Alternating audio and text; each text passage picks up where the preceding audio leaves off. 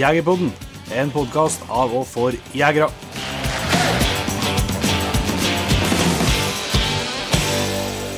Hjertelig velkommen til en helt ny episode av Jegerpodden. Stemmen er jo på bedringen. Ja, det er, nå er det oppgang igjen i redaksjonen. Ja, nå har vi trua på Nå er vi på penselen begge to, så nå, nå er det grunn til å være litt mer positiv. Det er bra, det, for det, det er mye Larsson som står for tur i helgen framover nå. Yes, så vi har fått bra vi får dopa oss. Dopa oss i dagens episode. En uh, veldig artig prat vi har hatt med en kar Trygve Åsvestad. Ja.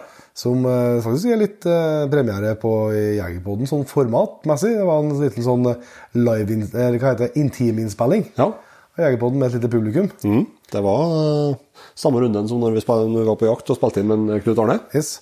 Så på lørdagskvelden der så eh, fikk vi lov til å ta en prat med en eh, Trygve, og flere, eller de fleste av jaktlaget satt og bivåna live. Mm. Og det, jeg det er bare å glede seg, for Trygve har vært rundt om i hele verden og opplevd veldig mye. yes, og er flink til å fortelle om det. Så det kan dere nå straks se fram imot. Men eh, vi skal ikke, eh, det er jo ikke så, så mye som skjer på jaktfronten til oss i disse dager, men eh, du har i hvert fall fått vært såpass ut at du fikk være med på en vellykket, eh, vellykket eh, skadefelling.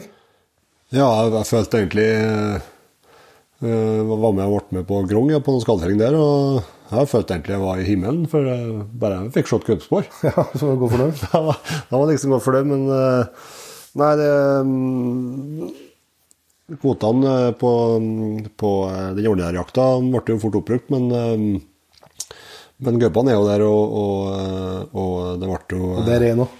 Det er mye rein. Ja. Det er en dårlig kombinasjon, så eh, etter hvert så ble det søkt om skadefelling. Eh, Og de har egentlig holdt på, holdt på mye. Eh, Plagdes en del med, med bratt terreng og litt utur. Og, Men eh, de har virkelig stått på, leita dag og natt og, og holdt, på, holdt på lenge. Mm. Så ja, jeg har vært med to, to dager. Og siste dagen nå, da, da så det var siste dagen i skadefellingsperioden, og så, så lyktes de endelig. og det det tror jeg smalt godt, for dere der er jaggu et lag og mye, mye unge, unge jegere som har stått på siden slutten på januar, egentlig. Holdt på, holdt på hele tida. Um, som har eh, Nei, det var skikkelig Det var, det var opp til flere eh, gubber både i slutten på 20-årene og slutten av 60-årene, tror jeg, som felte en tåre når de endelig Endelig lyktes. Endelig lyktes, for der, eh, den der ligger jaggu Det ble en stor hanngaup på 22 kilo der. Hun Og ble jo jaga løs av en rein som var tatt samme natta. Så um, det var liksom ikke tvil om at det var samme Det var at det var, rett, det var rett eh, individ. Um, så det Nei, det var, det var artig å være med på um, å få jakt på en annen eh, plass og sammen med nye folk og alt i hop. Bra. Når vi først er innpå og skryter litt, så kan vi nå fortsette. Vi har jo en, eh, en kompis og tidligere gjest i Jegerpodden, Martin Brenne. Som jeg tenkte skal, kan, at vi skal prate mer på podkast med han, så vi kan jo ta hele historien da. Men det kom en nyhet her eh, det vekk her om at han eh, rett og slett eh, nå har fått en grom, groen sin, som den første da, eh, i Sverige. Ja. Og antallet, antagelig i Norden, i hvert fall i Norge, Norge og Sverige. Norge og Sverige sikkert, ja. Finland har de vel noen. Men eh, det er selvsagt litt, litt, litt, litt irriterende, grå. Det er må, må, må, aldri glemme. Men, eh, men det er utrolig imponerende altså, bare at en norsk hund, eh, når du vet hvor mye mer muligheter det finnes i Sverige. Og i tillegg den norske hunden er født og oppvokst på, på Hvaler. Ja. Eh, Så sier noe om hva som er mulig. altså Hvis du bare er dedikert nok Ja. og har nok både jaktlyst og, og stå-på-vilje Og diesel. og diesel. Hva du kan, hva du kan få til likevel. Selvsagt er jo et, et utgangspunkt det er suverent sikkert med et veldig bra individ. da. Men uh, likevel så er det skikkelig skikkelig imponerende, det må jeg virkelig si. Ja, det er det også mm, ja, Når du vet alt alt denne hunden ikke viser interesse for, av, som har kløv på føttene, også når du vet at den samme hunden da, som nå er eh, bjørnhundsjampion, da, eh, i tillegg da er skutt i mange hundre mink før. Ja, Det er ganske bredt spekter. ja det, jeg, det er utrolig imponerende, så vi må få gratulere både en eh, Grom og, en, eh, Martin, Martin med det. Og ikke minst det altså, den svenske kennelklubben, den som står bak òg. At det faktisk er mulig å, å få til noe. Ja, og gå og prøve. Og få, liksom, få, få dokumentert og få på papiret eh, at en hund fungerer utenom elg og, og sånt òg. Ja, det er bra. Så må vi få gratulere så mye med å ta av oss hatten fair, da. Får vi satt på at det nesten er en jevntur. så det i hvert fall utjevner litt. i den. Eh, Og så før vi slipper til en Trygve, så skal jeg bare nevne at eh, nå på søndagen, 25., så er det rett og slett premiere for Patriens på Jegertoner. Sesong tre. Så da eh, håper vi at du som er med i jaktlaget, gleder deg på det og benker deg foran TV-en og får med det. Og du som ikke er med medlem og har lyst til å se det, så er du hjertelig velkommen, du òg. Det er bare å klikke unna på dataen eller telefonen. Yes. Så det, nei, men da tror jeg vi bare setter over til en Trygve. Ja.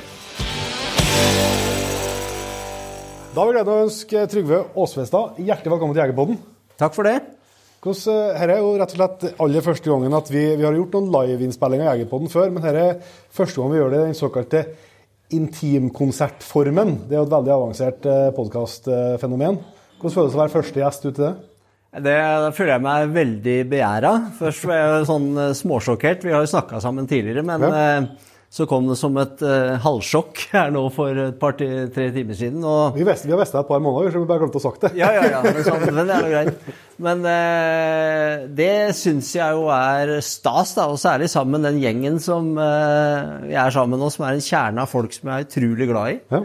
Uh, og så har jeg jo hatt gleden av å treffe nye folk i dag, og det er jeg også glad i. Mm. Og så veit jeg sånn historisk så er det sånn Det er jo utrolig stas å være på intimkonserter med Bruce Springsteen eller eh, Karpe.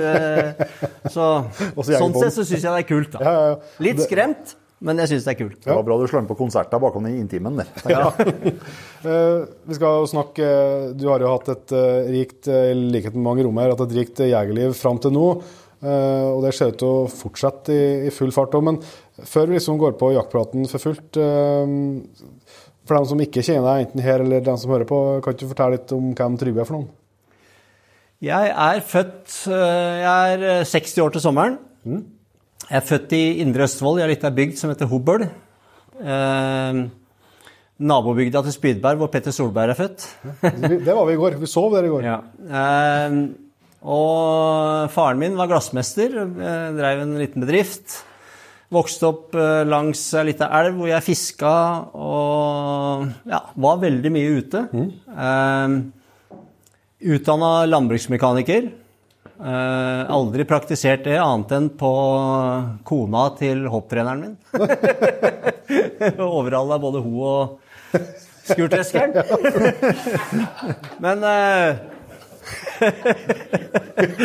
Nei, men eh, Nei, så jeg er født på bonde, bondebygda. Eh, faren min fortalte meg én ting er viktig i livet, det er å jobbe hardt. Ja. Eh, og jeg veit at i, når jeg er snart 60 år, så er det mange som mener at jeg ikke jobber, og så er kanskje blitt et litt sånn image, men jeg har jobba mye. Eh, Og jobba hardt. ja. Eh, har to barn.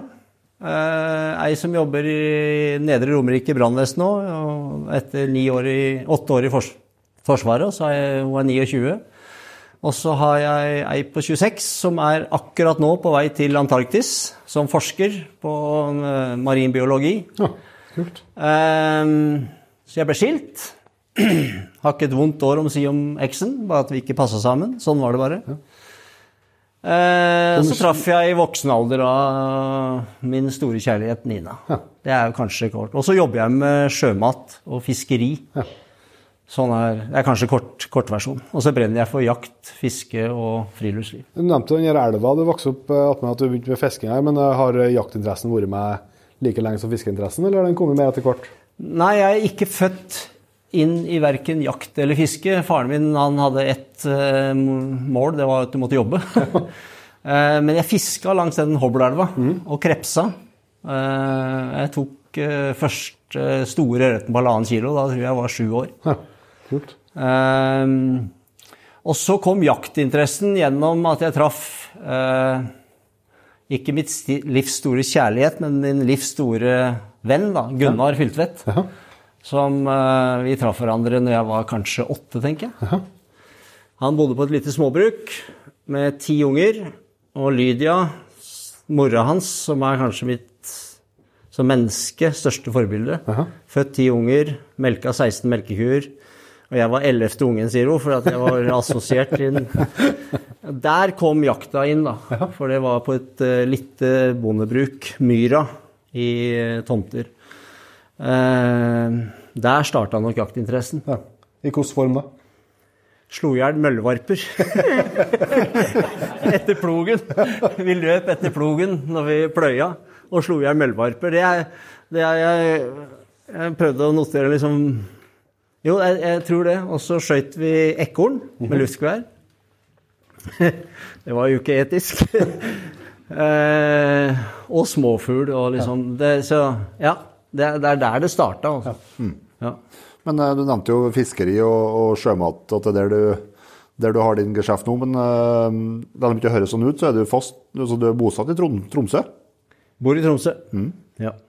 Det er der du driver eh, det daglige virket. Ja, jeg jobber i et uh, grønlandsk uh, dansk fiskerikonsern eh, som jeg har gjort faktisk i 30 år. Jeg starta et selskap som altså har ting ja, gått sin gang, men jeg har vært her i 30 år til sommeren. Eh, det, vår hovedgeskjeft er eh, fangst av reker. Så hvis dere har kjøpt en rekekasse på Coop eller Rema eller Meny med en isbjørn på, så er det Hvis den er bra, så er det oss. Og den rek, reka dere ikke finner i delikat rekesalat, den er all vår. Nei, så det er, det er et stort Men det er et fantastisk bedrift. Altså eh, Hvor eh, mennesket er det vi leiter etter. Altså individet er det som er assetsen vår, altså den viktigste ressursen. Det og sånn har jeg alltid følt det. Og jeg er jo uutdanna. Jeg er daglig leder der. Jeg har jobba tett på konsernledelsen i 30 år. Eh, vi har bygd fiskefabrikker i Finnmark. Solgt, bygd dem opp, solgt dem. Nå driver vi og bygger opp eh, krabbefiske, som det dere kanskje kjenner som Deadlets Cash, da, men det er ikke det vi driver med. Men veldig Fiske krabbe i Barentshavet. Ja. Det er veldig krevende, og i øyeblikk så har vi utrolig mye utfordring, men det er, noe, det er en annen sak. Da. Men, men det, er, det er liksom det jeg livnærer meg av for å gjøre det jeg elsker, som er jakt og fiske. Sant. Jeg har ingen sånn karrieretrang. Men eh, du nevnte jo det du slo i hjel bak plogen og, og det med luftgeværet og litt sånn. eh, Men liksom, hvis jeg spør deg om det liksom første liksom, sånn jakta og første viltet som liksom, når du var bevisst på jakt etter én art, eller eh, altså, du vet at du sjøl var på jakt, da. Hva vil du trekke fram fra historien da? Er egentlig to. Ja. Rødrev og rype. Aha. Eh, og rødrev, det var, eh, det er Gunnar, da, som er tre år eldre enn meg. Og for dem som kjenner eh, mye østerdalsfolk her, GM Skogsdrift. Eh, og vi jakta eh, rev på åte. Og, og det må jeg si, jeg, jakta, jeg har faktisk jakta snart over hele verden, men det er ingenting som får så høy puls som en rødrev i måneskinn uten termisk. Ja. Eh, på, på snøen, altså. Da, og det var det første ordentlig viltet som jeg liksom kan huske, da. Ja. Og det var eh, en plass som vi kalte Møsja ute i Skiptvet. Og vi satt på åte der, og Gunnar satt på ene side, og jeg den, Og den rødreven den fløy fram og tilbake, og hjertet mitt det bare bang, bang, bang, bang, bang. Jeg rista, altså. Og, og den Når jeg skøyt den reven, altså det var helt euforisk. Og det husker jeg som en sånn mm, sinnssyk opplevelse. Så rødrev, det er for meg liksom åtejakt på rødrev eh, på snøen om natta. Det er noe helt spesielt. Så det er Jeg har skutt masse annet småtteri, ekorn som jeg sa, da, men, jeg kan Ja, ja. ikke, men det er mitt første ordentlige vilt. Så nevnte vi rype òg. Ja, og det er i Hattfjelldal. Eh, det er helt, og det husker jeg som det var i går. Eh, det er jo ikke langt unna. Daning. Daningen, veit dere. Ja, ja. Så det her var eh, Vi kjørte inn i, i eh, Ja, vi gikk opp til Daningen, sånn var det. Og da hadde vi med en fuglemann for Gunnar. Vi hadde en, eh, en eh, som het Clay. Og det er kanskje det dags dato den beste fuglen jeg har sett. Han kunne alt. Vi hadde med Vi, hadde- vi jakta jo alt. Vi jakta due, alt mellom himmel og jord. Og han var med på alt.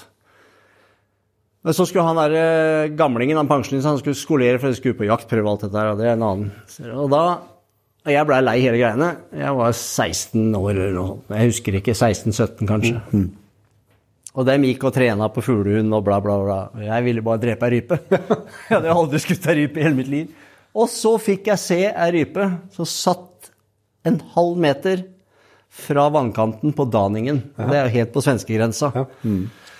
Og, og jeg sneik og jeg sneik og jeg sneik på den rypa og kom inn til Skuddal og skøyt den rypa i vannkanten på bakken. Og jeg var jo euforisk. Hvor- Hvorpå han 70-åringen kom ikke sant? og ga meg huden full av kjeft. Jeg hadde ødelagt alt for den der fuglebikkja hadde skutt rype på bakken. Alt var feil. da. Ja, ja, ok, ok, ok. Så det er første rypa mi. Yes. Nå vet jeg at Fuglehund er videre, har jo det blitt en eh, del av livet da. Ja. Du har noen hunder i dag òg? Ja, i dag har jeg to pointere. Eller ikke jeg, vi. Nina, kona mi, har to pointere. Men før, før hadde dere fuglehunder? Ja, det er engelsettere. Ja, stemmer. Så, Jeg har uh, drevet med engelsettere Nå er jeg skikkelig fuglehunder. Nei. Nei, jeg driver med engelsettere siden jeg var hadde første sammen med Gunnar. Da var jeg 15-16. Men den første jeg kjøpte sjøl, var etter militæret. Da var jeg kanskje 20, tenker jeg. En eh, amerikaner fra Fredrik Aalerud som het Troy. Cash Pax, som var faren, han var stein hakke gæren, den bikkja. Halen rett i været, og vi sloss og busta føyk på Finnmarksvidda. og jeg grein, og Gunnar eh, fyra bål, og til slutt sto bikkja. Men eh, Nei, så jeg, jeg driver Jeg veit ikke hvor mange fuglehunder jeg har hatt, men jeg har hatt ja, 20-25 stykker, tenker jeg. Eh, konverterte pointer for noen år sia. Og, og, altså, og jeg dreiv med jaktprøver. Jeg har vært jaktprøvedommer. Så jeg, liksom, jeg la opp livet mitt en periode etter terminlista på jaktprøver. Så jeg har vært med i Norsk Derby og NM, eh, Kongsvoll og alt det der. Men det drukna litt, altså. For det liksom jeg, eh, Ja. Forsvant jaktgleden liksom i, i, Ja. i konkurranseformen? Ja. Jeg hadde en episode på Haglebu, Haglebufjell, hvor jeg, var dømte. Og jeg hadde begge bikkjene, da hadde jeg to, lå i bur. Og jeg hadde sagt ja til å dømme en dag ekstra. og så... Eh, Det husker jeg veldig godt, for det var en, eh, en stakkars fyr. Han var første gang han gikk på jaktprøve. og jeg husker han hadde sånn derre Kan ikke kalle det naziregnefrakk, men sånn eh, oilskin var veldig populært. vet du. Sånn lang frakk. Og vi slapp ungen, da, dømte ungen, og jeg var veldig positiv. Og den bikkja den fløy jo bare rett ut, rett tilbake, og bare surra og jakta ikke i det hele tatt. Så, sa vi til han at det, det her går jo ikke. Eh, han fikk slippet sitt, altså. Og så er i ungen så får du alltid ett slipp til. Du skal være positiv. Og så sa vi til han neste slipp så må bikkja di jakte. Han kan ikke bare surre rundt beina dine. Han, må, han må lenger ut, han må vise format. Og. Ja, ja. Neste slipp så var det akkurat sånn der tursti. Slapp den bikkja, vet du. Han dro jo 200 meter rett fram. Han hadde gått mye på tur. Og rett ut, rett inn. Rett ut, rett inn. Fem minutter, vi kobla han. Og så sa vi at det her er jo ikke jakt. Han eksploderte vet du, og kjefta oss opp. Og skulle klage til sekretariatet. Vi hadde ikke peiling på fuglene.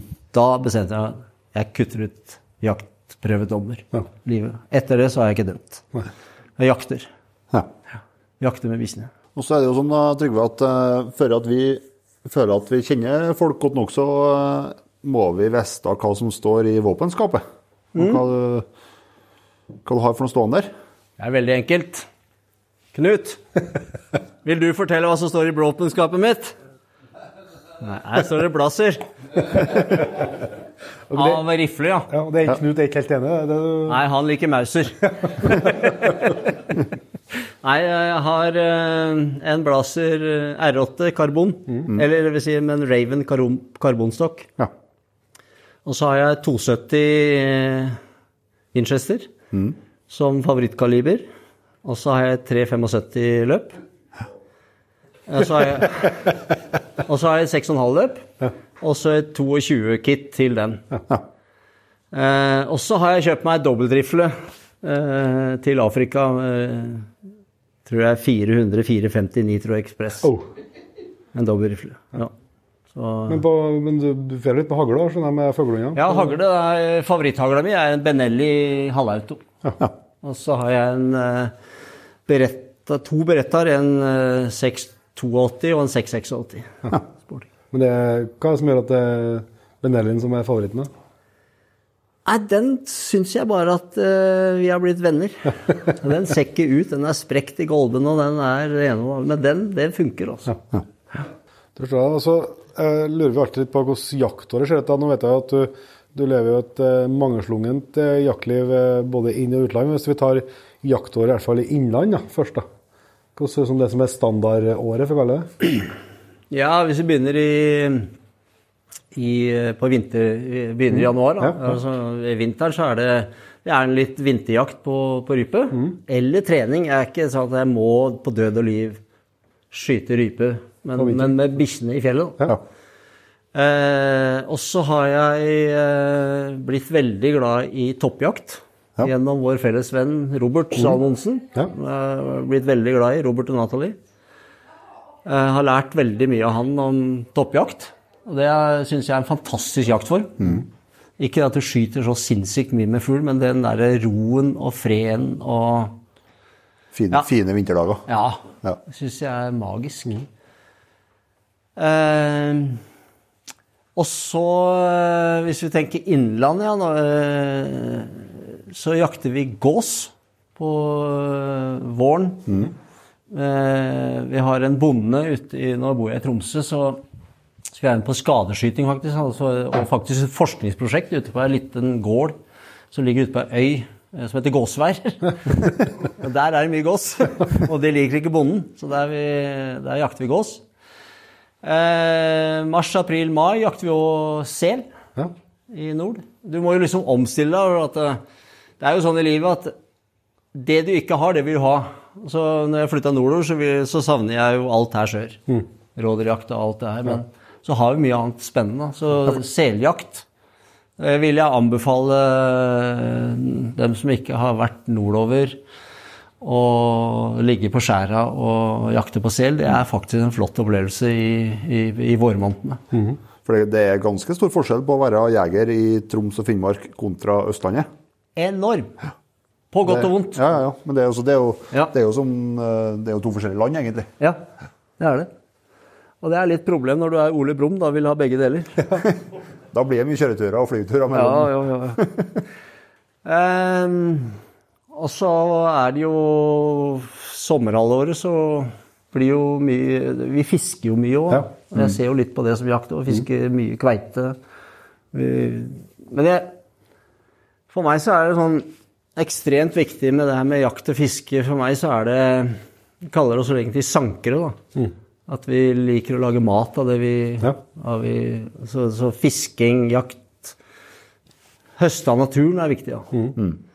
Eh, og jeg veit egentlig at er når vi kommer nærmere inn på litt mer eksotisk, at det blir satt i bås som troféjeger, men det, jeg syns det er et dårlig, dårlig navn, da, men det kan, vi, det kan vi snakke om. Men Ja. det er jo forvalte naturen da, som jeg er opptatt av. Ja. Uh, vi kommer uh, gjennom sommeren, så er det jo reinsjakt. Det står, det står har høy stjerne hos deg. Ekstremt høyt. Og det har vokst fram uten at det var noen plan. Eh, Jeg jakter rein i Sølenkletten i Østerdalen hos eh, en kar som heter Christian Mathisen. Eh, Og der jakta vi egentlig fugl. Det var det vi starta med. Og igjen Gunnar som kjenner han, for han er skogsentreprenør. Eh, og så sa bare Christian en gang vi var der og jakta fugl, så ta med deg et reinskort da, og så prøv. Aldri Og da skøyt jeg min første simle. Og det var magisk, Ja. rett og slett. Og der blei jeg hekta. Så reinsjakt, og det har Nina, kona mi òg, liksom Når hun kom inn i det, så har hun liksom fått en sånn nært kjærlighetsforhold, vil jeg si, til reinsjakta. Ja. Jeg, vet- jeg kan ikke forklare hva det er, men eh, det er noe urnorsk. Det er noe eh, som du ikke finner andre steder enn i, i Norge, egentlig. Ja. Du har det på Island selvfølgelig, og i Canada, men det er litt annet. Det, er, det, er, det der har blitt spesielt for meg. Ja. Og oss. Så vi har jakta rein i Sølenkletten i i hvert fall 15 år. Ja. Og det er jo 20, det, Premieren er 20. august, men den flotteste reinsjakta har vi fra 20. september og ut. ja. Siste dagene. Faktisk, for da er alle på elgjakt. Da har vi fjellet for oss sjøl. Da har vi hatt magiske jakter. Også. Da ligger vi på setra oppe på med å ha en rønningsgrind. Ja. Og Ivar kommer med å jakte elg i samme sølv i Storgutdalen. Vi har hatt mye artige hendelser sammen med han der oppe. Ja. Og ja, vi jakta utrolig mye. Ja, mye flott jakt, altså. Så rein, det, det ligger hjertet nært. Og så er det jo rypejakta. Eh, Hattfjelldal var i mange år. Eh, og så pga. været, egentlig. Ikke fordi jakta i Hattfjelldalen var dårlig, men på grunn av, det var mye dårlig vær. Det vet dere sikkert. Så hadde vi en drøm om Finnmark. Og jeg og Gunnar vi satte oss i bilen, bare dro til Finnmark. Og sjekka inn på Alfreds kro og overnatting. og lå der og begynte å jakte. Og det har utvikla seg til at vi eh, begynte å fly inn med vannfly. Så det er liksom September, det er Finnmark. Ja. Det er, det er Alle snakker om at jakt er dyrt, men altså Finnmark er billig. Ja. Det er verdens beste rypenæring. I høst var jo magi. Ja. Og så er det mer reinsjakt. Og så har det vært litt hjortejakt. Lite elgjakt for min del. Eh, og så har det vært disse drivjaktene når det kommer ut på vinteren. Og eh, så blir det jul, da. Ja, og så vet vi at du i innimellom slagene her ofte har en del, eh, en del turer til, til utlandet, en del utenlandseventyr, da, for å kalle det som, eh, som vi har Vi gjør alltid litt research og snoker på Facebook og googler og styrer, da. Og vi ser jo at eh, at du har et, sagt, et, hatt et rikt jegerliv til nå, og, og mye av det er selvsagt i Norge og, og Sverige. Men, men hvis vi ser litt på, på utafor det, da, hvordan, eh, hvordan starta liksom drømmen om å jakte i utlandet? Og, og hva var første turene, og hvordan, hvordan kom du i gang med det? Nei, det har vel eh, Som eh, uten noe sammenligning for øvrig, mange av oss har vel lest Helge Ingstad og 'Drømmen om Canada'. Ja. Det starta egentlig der, sånn sett. Ja. At, at, eh, men jeg har lyst til å si det liksom, før vi kommer inn på det. Altså, det er egentlig Vi snakka om, om litt. Ja. at det, det jeg egentlig jakter, om, jakter på, det er jo de magiske øyeblikka. Og det har jeg lyst til å øh, Sånn at det ikke blir snakk om liksom hva som koster, og hva som ikke koster. Og de magiske øyeblikka har jeg prøvd å koke ned til at noen ganger så er dem utafor døra di. Og for meg nå der jeg bor nå, så er det å dra ut på Kvaløya, fyre opp et bål Så bål er sånn essensielt i livet mitt. Det er noe jeg elsker. Så roen, det tror jeg mange kan kjenne seg igjen. Det å fyre opp et bål og høre liksom koke kaffe, eller bare fyre opp et bål, det er magi for meg. Ja. Og noen ganger så er det veldig nærme, og da koster det ikke noe. Nei. Men noen ganger så er det i Afrika eller i Alaska. Og så er det da liksom er trangen til å utforske nye kulturer, møte nye folk, lære nye ting. Og for meg så har det vært en trang, da. Ja. Og så har det vært mulig fordi at jeg har prioritert Hardt. hardt, ja. Jeg, jeg drikker litt, men jeg røyker aldri. Eh, sånn at jeg har brukt, og jeg har sagt til ungene mine, at arva, det er bjørneskinn og krøllete geitehorn. Å orientere det i bruktmarkedet. Nei, så det var eh, drømmen om å dra til Canada, faktisk, som dreiv oss ut av Norge første gangen. Det var 1998. Ja, hva, hva skulle du jakte? Jeg var svartbjørn. Ja. Må ta oss med på den turen. Hva skjedde? Vi dro til eh, eh, Adams Lake, Monashi Mountain. Og det var en Gunnar, Jon Egil og en livredd rørlegger fra Saltnes som var redd for bjørn. De dro. Og eh, ja, det var en helt fantastisk tur. og Eh, jeg husker Jon Egil Filtvedt. Jeg vet ikke om noen av dere kjenner han, men han er veldig petimeter og veldig ordentlig. og da, Han hadde fortalt oss om denne turen, at vi måtte skyte på 300 meter. Vi måtte være knallhardt på 300 meter. Jon Egil han elsker å skyte på langt hold, og jeg og Gunnar vi er litt mer sånn. Kom vi bort der, og så traff vi Mike, som var guiden vår, og han sa eh, han spurte meg, og jeg spurte navnet hans. Spurte han, What's your name? Og så sa Gunnar Gunnar. Ja, Gunnar, that's easy. What's your name? Trygve. What's Trygve? sa jeg. Oh, I, I give a shit, I call you ET.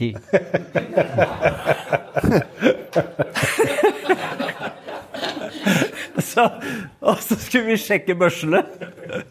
Og Jon Egil var liksom, han skulle sette opp en blink på 200 meter. og nei, Han tok en pappeske og kasta ut på 30 meter. og Hit it!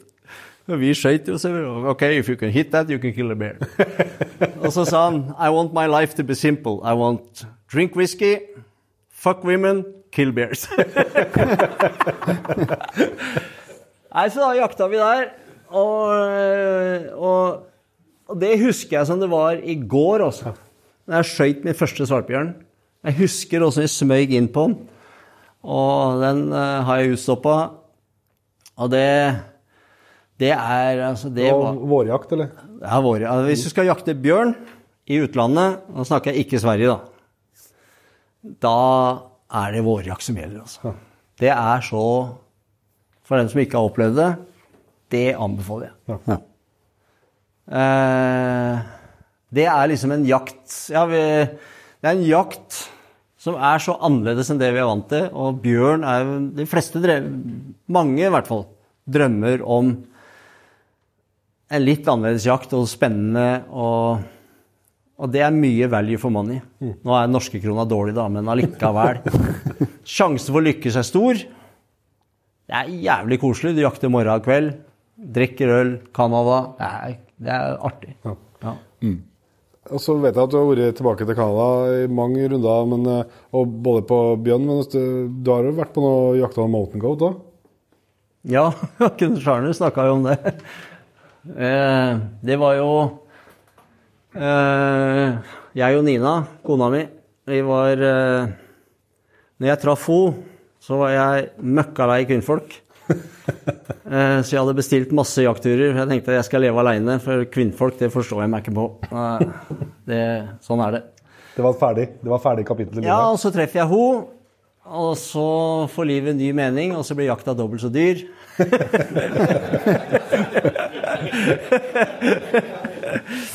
Men eh, nei, lang historie kort. Vi var i Northwest Territory og jakta tre uker på dollskip, eh, elg, mountain goat, bjørn. Og det kan mye sies om den turen òg, faktisk. Men det vi ikke fikk, det var geit. Ja. Og det var, da opplevde jeg etter den turen av de outfitterne der som heter Sunny og Werner Aschenberg, de er østerrikere og tyskere, det er at de fremsnakka andre. Ja. Det har jeg sans for. Så ikke bare liksom Ja, men kom tilbake til oss. De sa nei, vi har ei ung jente som har guida for oss, som brenner for å starte for seg sjøl. Hun heter Cassidy Caron. Hun er passion fjelljeger, sier hun. Så hvis dere vil ha passion fjelljakt, jakt med Cassidy. Ja, vi kontakta hun og dro over. Og møttes i Smitters, Arne. Og dro ut. Og fløy inn med en beaver. Landa og alt. Backpack 14 dager. Men kan dere tenke dere større nedtur når du har landa med fly, og så første du ser, er scooterspor og ATV-spor, og møter en gjeng som var der inne, som har kommet vannveien inn. da. Ja. Så jeg skal ikke gå i detaljer, men i hvert fall, det var jo det var en kjempenedtur. Eh, så ble vi, f- Og hun kjente jo ikke oss. Nei. Vi kjente ikke hun. Altså kan du jo lage et helvete ut av det. Men så kjapt så sa vi ok, det her er situasjonen, vi må gjøre det beste ut av det. Så vi bestemte oss for å liksom jakte i hjel de der eh, andre folka. da. Så vi gjemte Det var en sånn katten, mus med, og de vi, Ja. Det var, det var Det er en av de mest mentalt og fysisk utfordrende jaktene jeg har vært på i hele mitt liv. Og sammen med Nina eh, Det var med sekk på beina i western British Columbia.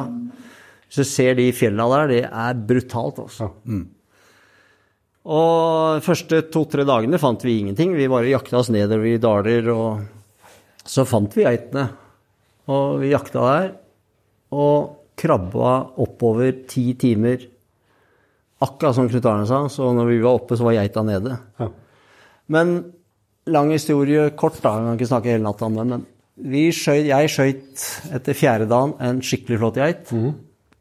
Og da, Vi hadde ikke Vi hadde lagt igjen, for vi kunne ikke bære alt vi hadde med oss. På grunn av, alt blei egentlig sånn der plan B. fordi at det, eh, der vi hadde tenkt jakt, der var det to meter snø. Ja. Så enden på visa var at jeg gikk fem mil med 40 kilo sekk og tilbake igjen.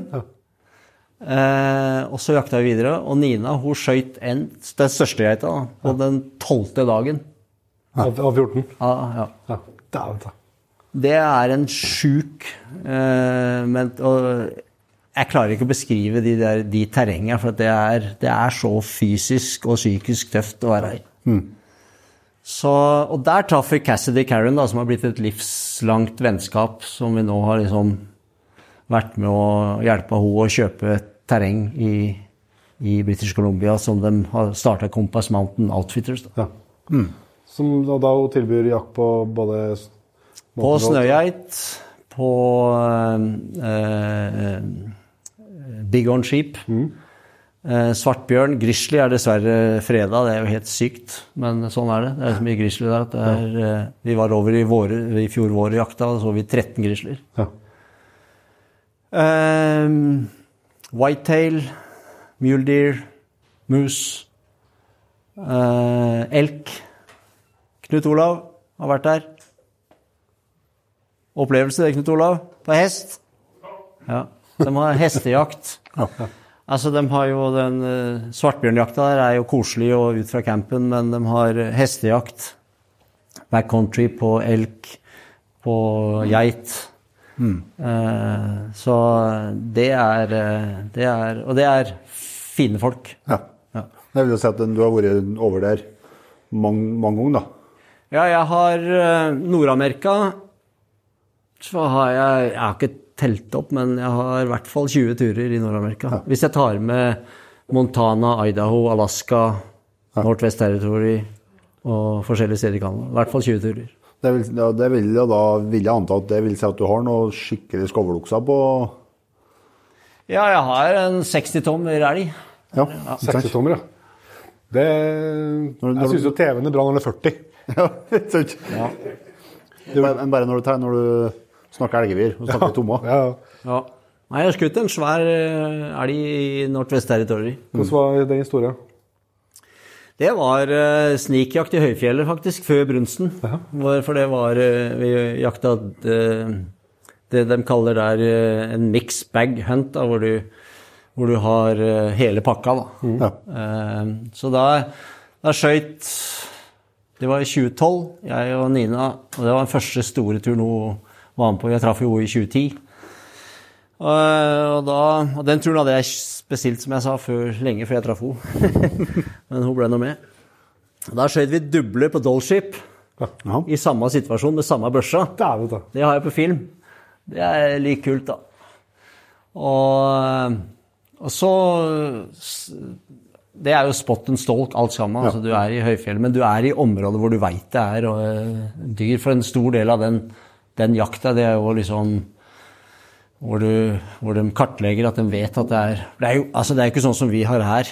Det er en vilthet som er helt Det er mange som blir skuffa når de kommer til Canada. Ja, ja. For de liksom får sjokk at det er så lite vilt. Ja. Det er jo mye vilt, men det er jo enorme områder. Ja. Så den elgen og jeg, jeg husker vi hoppa ut av fly eller helikopter om vi blir flytta med helikopter. og Jeg spurte piloten når vi var der, hvor lang tid tar det å gå ut herfra. Tre uker, sånn. Så du Og da hoppa ut, der sto det jo skovlokser, vet du. Jeg har dem på film. Og så det åh, fy faen. Og så, nei, nei, nei, nei. Hallo. It's babies. og så gikk vi jo i så Egentlig veldig lik reinsjakt. Ja. Høyfjellet, for det var før brunsten. Ja. Og spotta den her på mange mange kilometer, og så han lå i høyfjellet. Nå snakker jeg elgevir på 60 tommer. Det går an å se i kikkert. Du ser på sånn sånn svær oransje. Så vi sneik oss, husker det veldig godt, forbi noen svære caribou. Ja. Ja. Og da gikk vi bare sånn. Gikk med hendene sånn for å For ikke støkke dem, liksom? Ja. Og dem, dem, mange av dem har aldri sett mennesker før. Vet. du. Så hvis du oppfører deg ordentlig og gikk i bekkefar da, for å utnytte Sneik oss inn på den ikke noe vanskeligaktig sånn sett, men stor opplevelse. Skøyten ja. sittende på 90 meter. Ett skudd, bang. Svær jævel. Sant. Det er tøft, ja. Du nevnte Alaska. eh, Når jeg kikka litt der det, kan, det er flere dyr der, men hvis vi tar ulven først Du har skutt noe ulv der. eh, Som også så ganske artig ut. Ja. ja, egentlig ta Nesten ta Jeg har vært tre turer i Alaska hos samme outfitter Aha. på Alaska Peninsula. En som heter Gary LaRose. Så han har pensjonert seg nå, men en eksepsjonelt dyktig pilot. Og um, veldig liten outfit, har veldig få jegere. Um, uh, der har jeg en jævlig god historie kanskje til slutt, men det kan vi se på. Jeg kom på det. Men uh, jeg var der første turen, og der var jeg sammen med en pensjonist som heter Ivar, som er i kategori med Åserund, som jeg er veldig glad i. Eh, som har vært med meg på mange Han er, han er 77 nå. Ja, for Det var en du rett og slett eh, overtalte å bli med? Jeg tuppa han i ræva når han var 60. Ja. Jeg er 60 nå. Han hadde nesten aldri vært utafor stuedøra. Jakta mye elg og sånn. Var ikke noe gæli, men så Ivar, skal du ikke bli med på noe moro? Nei, nei, nei. Kjerringa og sånn. Så, så kjenner jeg kjerringa godt, så sa jeg til henne, kan jeg ta med Ivar på tur? Ja, må ta med så mye du vil. og etter det så har han og jeg reist halve verden rundt. Og vi var der. Første turen skøyt vi ikke en dritt. Ingenting. Andre turen så skøyt jeg og guiden prata oss inn på ei bjørnebinne som vi trodde var en eh, Men det var en svær bjørnebinne. Åtte og en halv fot svær. Det er en nydelig bjørneskinn. Skøyt den. Tredje dagen. Og så Og han guiden han var jo nervøs for å skyte i binne og syntes, trodde han skulle bli drept av outfitteren. da. Og outfitteren sa til meg Trygve, are you happy? Yes, I'm happy. Can we stay here and hunt wolves? ja, for der flyr du ut med supercub, da. Flymaskin. Og ja, da er jeg tilbake i revejakta. Jeg jakta mye rev. Jeg sa til han uh, guiden min, veldig fin fyr Vi lar det bare resten av bjørn ligge. Så, for vi visste det var ulv da, vi hadde sett flere. Ja. Hørt dem. Venta vi tre dager, gikk vi tilbake til Carcass, altså til resten av bjørn. Faen, og rigga oss til på en topp der, 120 meter fram til Bjørne, der hvor den var. Det gikk ikke ti minutter, så kom det en svær, svart ulv. Ja. Kom rett inn. Rett inn! Og det var jo easy match for 375. og den, den har jeg på film. Den, den har jeg på 100 på film. Bang! Og så er jo jakta da, tilbake til revejakta. Og vi var jo euforiske, liksom. Egentlig ville vi bare løpe fram. Men så nei! Vi bare vi spiser lunsj og slapper av. To timer etterpå så begynte det å ule oppe i lia. Og så gikk det en time til, og så så vi kom ulv nummer to. Det var tispa. Og hun var, som kvinnfolk generelt sett, mistenksom.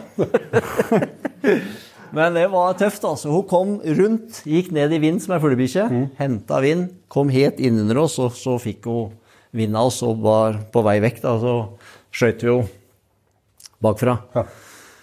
Og fikk den nå. Og så da skjøt vi ikke duble sånn bang-bang, men innafor fire timer skjøt vi to ulver i Alaska. Og den ene var svær svart en, og hun var sånn tradisjonell grå. Flotte, flotte Og vi hadde sjanse på faktisk på én til, som vi missa på. Så det var, det var episk. Du sa åtte fot. eh, Det har blitt enda større bjørn enn det etterpå. Ja, det var det. Jeg måtte tilbake. Så i 2016 så dro jeg og Nina ut på samme plass. Og, men da Da på stillehavssida. Så Alaska Peninsula, den lange tarmen som stikker ut i Beringerhavet. Så har du Beringerhavet på ene sida og Stillehavssida på andre sida. Så jeg har jakta på fjellsida, og jeg har jakta på Beringersida. Og så nå var vi i noe som heter Jantarni Bay. Hvor det er en svær elv som heter Jantarni River, som renner ut, som er ei svær lakseelv. Og der er det et sånt våtmarksområde med et spesielt gress som bjørna er helt stein hakke gærne etter når de våkner om våren. Der lå vi i telt, og det Man skal jo ikke rangere alt opp imot noe annet, men det var, det var, det var over 14 dager i telt der ute. Flyr ut, og der er du prisgitt. Der er værforholdene det de er. Også. Mm. Og lå der. Og vi Jeg har ført loggbok. Jeg har jeg kan Jeg skal ikke ta opp den nå, men jeg har ført daglogg. Og vi så Hvis jeg ikke husker feil, så hadde vi 86 forskjellige brunbjørner på 13 dager. Og vi hadde navn på dem. Og vi opplevde bjørner som para, og liksom, for dette er jo våren, ikke sant. Og de svære dyra der, det var helt sjukt, altså. Og, og der Der eh, et, Og vi, vi strevde egentlig, vi så mye bjørn. Vi strevde med å finne, for da skulle vi skyte den svære. Også. Da var det ikke snakk om noe annet. Da ville vi dra igjen myten. Og da på åttende dagen, tror jeg det var, så så vi en svær djevelsk eh, brunbjørn. Og det er hvis du lurer på liksom, skal, når er det en stor bjørnbjørn? da ser det ut som en folkevogn. Altså firhjuling. Sånn. Du ser spor av en, en liten bjørn, den ser du en strek. En stor bjørn, da er det sånn. Og den eh, så vi para seg med bindet oppi fire-fem kilometer opp i fjellet. Og dagen etter så gikk vi etter, da. Nina sto igjen nede på stranda for å I, I Alaska så er det ikke lov å bruke radio. Vi snakker om termisk hjelpemiddel. I Alaska er det ikke lov å bruke radio på jakt. Så vi avtalte at Nina skulle vifte med flagg hvis den gikk til den veien og den veien. Og liksom, hun sto der med en pumpehagle og slugg. Og vi sneik oss oppover. Oppover, oppover, oppover. oppover. Og så halvveis opp kom vi i en sånn bringebærris. Gikk med ris til hit. På morgenen. Plutselig ti meter foran så bare spretter opp en bjørn. Ti meter. Og hvis du ikke har hatt harehjerte før da, så får du det da. Og da har du liksom Er det binde med unge, så er du i livsfare. Ja. Men det var en ung hanne som bare Stakk ifra. Ja. Ja. Og vi dura videre. Og plutselig så var vi oppe i området hvor vi tenkte her er det han skjæringen her. Og da går du sakte. Plutselig så ser vi bare et hue som kommer opp av olderkrattet. Og jeg var sikker på at en bjørn hadde reist seg opp. Men han hadde bare våkna. Ja. Altså et hue som er sånn. Kikka på oss, og da var vi 35 meter fra han. Og, jeg var foran, og guiden bak. Og sånn OK. Og jeg var Er det han? Han sa ja. Vi satte oss ned på ræva, og så åla vi oss litt sånn opp i en sånn grusbakke. Så vi fikk to-tre meter overhøyde. Ja. Så satt jeg der med børsa klar, og han, den bare stirra på oss. Vi hadde perfekt vind. Han den lukta oss ikke. Jeg, jeg vet ikke hvor lenge vi satt der, altså, men for meg så føltes det som et kvarter. Men det var nok ikke det. Nei. Og så ut av intet, så bare reiser han seg på to bein. Og det er en, den bjørnen er målt til ti fot, altså ti fot square. Da. Vi kan jo regne 3,3 meter. Det er så svært. Han sto der, jeg fikk helt 35 meter fra meg, så sto han på to bein og kikka på meg. Du føler deg ganske liten da. Ja, fy faen, altså. Det var Men det, da er du så fokusert.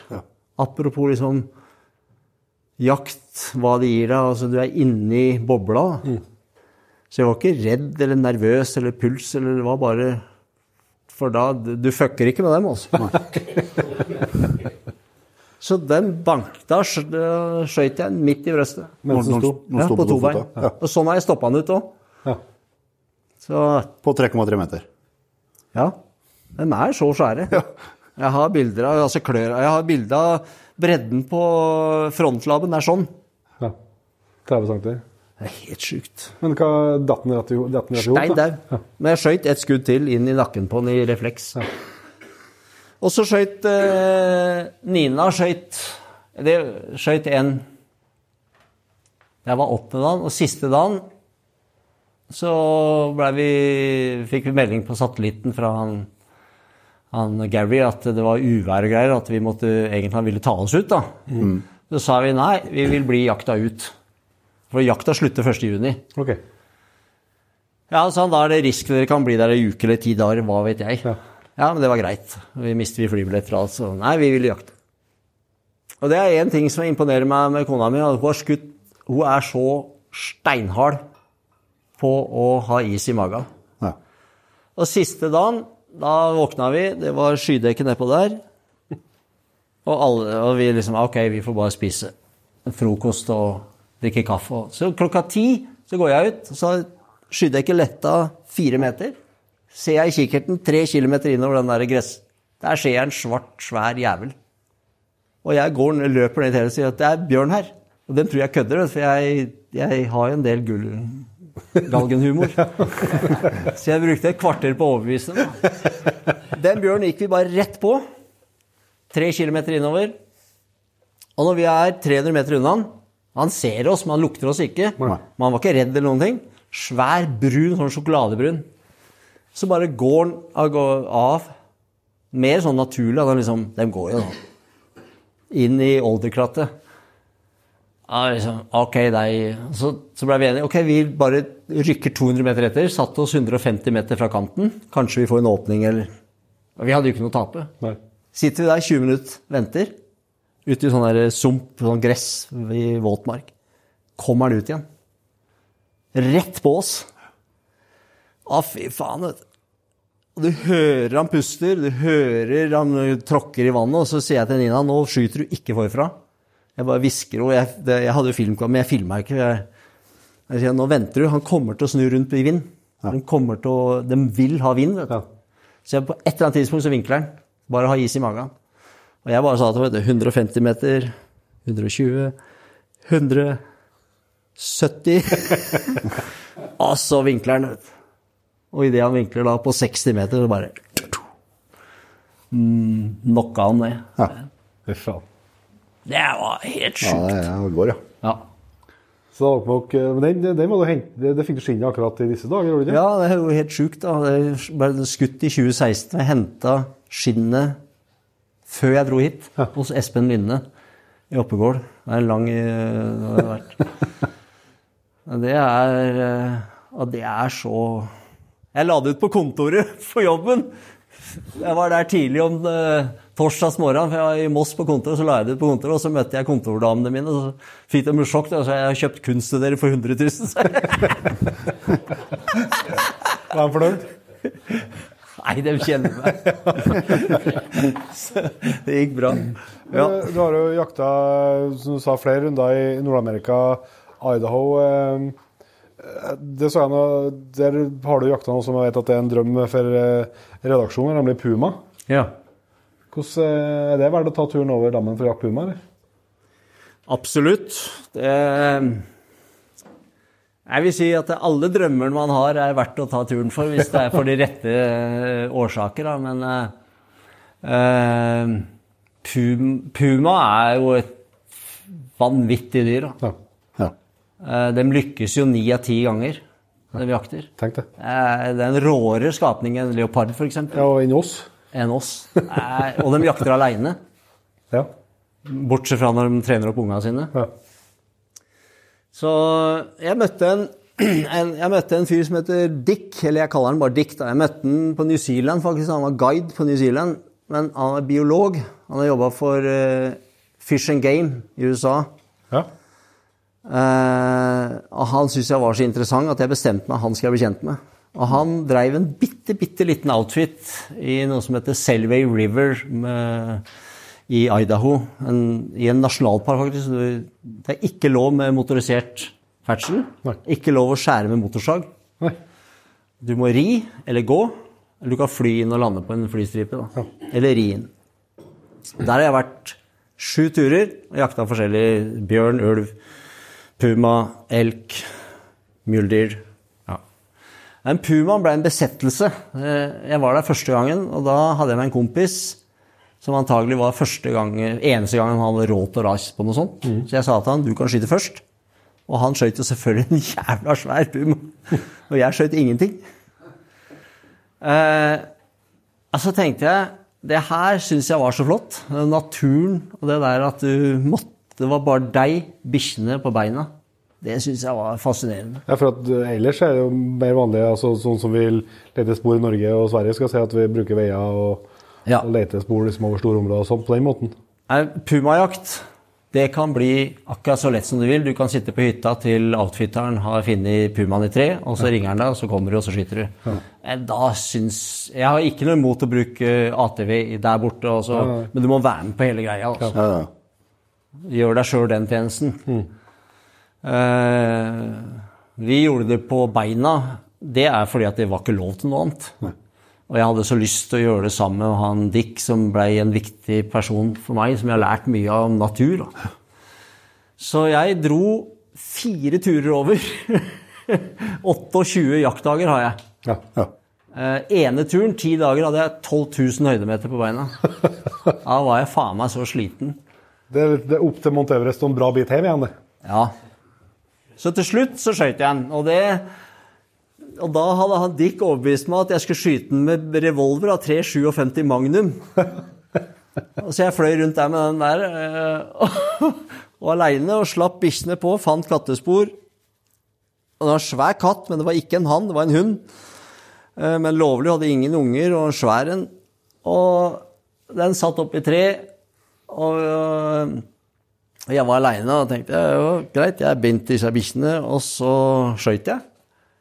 Og den rasa ned. Og jeg var sikkert liksom Yes! Men den føyk videre, vet du. Oh. Og, ned, og der var, det var snø opp til hit. På, Og- til livet, liksom. Ja, Og det er sånne creeks. ja.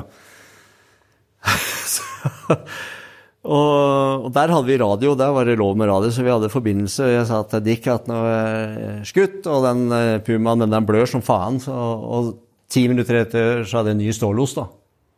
Så jeg tenkte den er jo halvveis ferdig. Dura nedover. og han sier 'I'm on my way'. Og kommer ned, og så er det sånn rotvelte, og jeg kommer ned i sånn bekkefar, og så er det fem meter opp. Og da får jeg se katten og tenkte det er ikke lurt å gå oppunder den, så den kan hoppe på meg. Så jeg, tenkte, jeg gikk tilbake og opp. Og skulle akkurat til å skyte den. Han ligger under og freser under. Han er jo skada, men bikkjene er jo to bikkjer på. Og akkurat da så kommer han Dick fra andre sida. Og den katta, den gyver på han Skal ta han. ta han, og han slipper bare ei bikkje foran seg. Og katten tar jo bikkja og klorer den opp, og den bikkja, den forsvinner. Og jeg skyter ett skudd når jeg liksom får klart, og han detter liksom. Og så opp igjen, og bang, ett skudd til. Og da, da er vi liksom sikre på liksom, ok, nå er han ferdig. Og da det siste som skjer, er jo at han bare kommer rett i synet på oss. Så siste skuddet det er midt i panna på han, og så detter han på skosåla. og og han, han Dick han roper 'shoot that fucking things before he's killed us'. så det ble jo en eh, dramatisk slutt, da. Er det første og siste gang på sånn Dirty Harry-skjøting? på Ja, men det var ja, vi, de, Den hadde Det første skuddet satt der det skulle. Så enten var det en feil i ammunisjon For det var ikke noe Det var 25 meter. Ja. Så øh, vi har ikke noe annet Det var ikke noe kvist, ingenting. Det var reint. Så vi har ikke noen annen forklaring enn at det må ha vært en, et eller annet feil med ammunisjon. For det var ikke noe, det var ikke noe det var, Skuddet satt der det skatt, men det, det hadde ikke ekspandert eller gått som det skulle. Det må være en eksklusiv klubb å være medlem til å skjøte puma med revolver, da. Ja, det var ikke noe mål for meg, det, men det kan hende at det er det. Men, eh, men det er en god historie. Ja, det vil jeg absolutt si. Absolutt. Men eh, Nord-Amerika er jo bare ett av eh, flere kontinent. eh, hvis du tar oss med litt eh, lenger sør, eh, New Zealand har du vært jakta. New Zealand har jeg jakta. Hva er det du har prøvd deg på der? Eh, Jeg har Målet var jo Jeg jo, har jo en fascinasjon for for geiter og får. Eh, og det var litt Vi var inne på det, jeg vet ikke eh, Hvis du dykker ned i noe Ja, altså det snakka om eh, det dere driver med. Hvis du, jeg husker så godt at det liksom Geit er jo geit. Mange som har sagt til meg 'jakte geit'. idiot. En geit er jo geit. Og det, det tenkte jeg òg. Så leste jeg en bok i, fra eh, USA som het 'Returns of the Kings', okay. om de nordamerikanske geiter og får. Da fikk jeg bakoversveis, altså. Hva som fins Ja. av arter, og hvor de lever hen. Og hvilke individer det er, liksom åssen du kan utvide horisonten din. Så New Zealand, det er mange, mange, mange år sia. Jeg dro dit, og det var først og fremst for å jakte tar. Ja. Himalaya tar. Som jo er jo faktisk en gave fra Tibet til New Zealand. Og det skøyt jeg. Flott tar. Så det, det er jo sånn sikkert uh, høyfjellsjakt. Ja, det er skikkelig fin eh, fjelljakt. Og så har de jo det kaller chamois, da, som er, eh, som er eh, eh, Gems. Gems, ja. Ja. Den fikk jeg ikke, så jeg skal tilbake til New Zealand, planen A. Og det er jo i og for seg den samme som du har i Østerrike.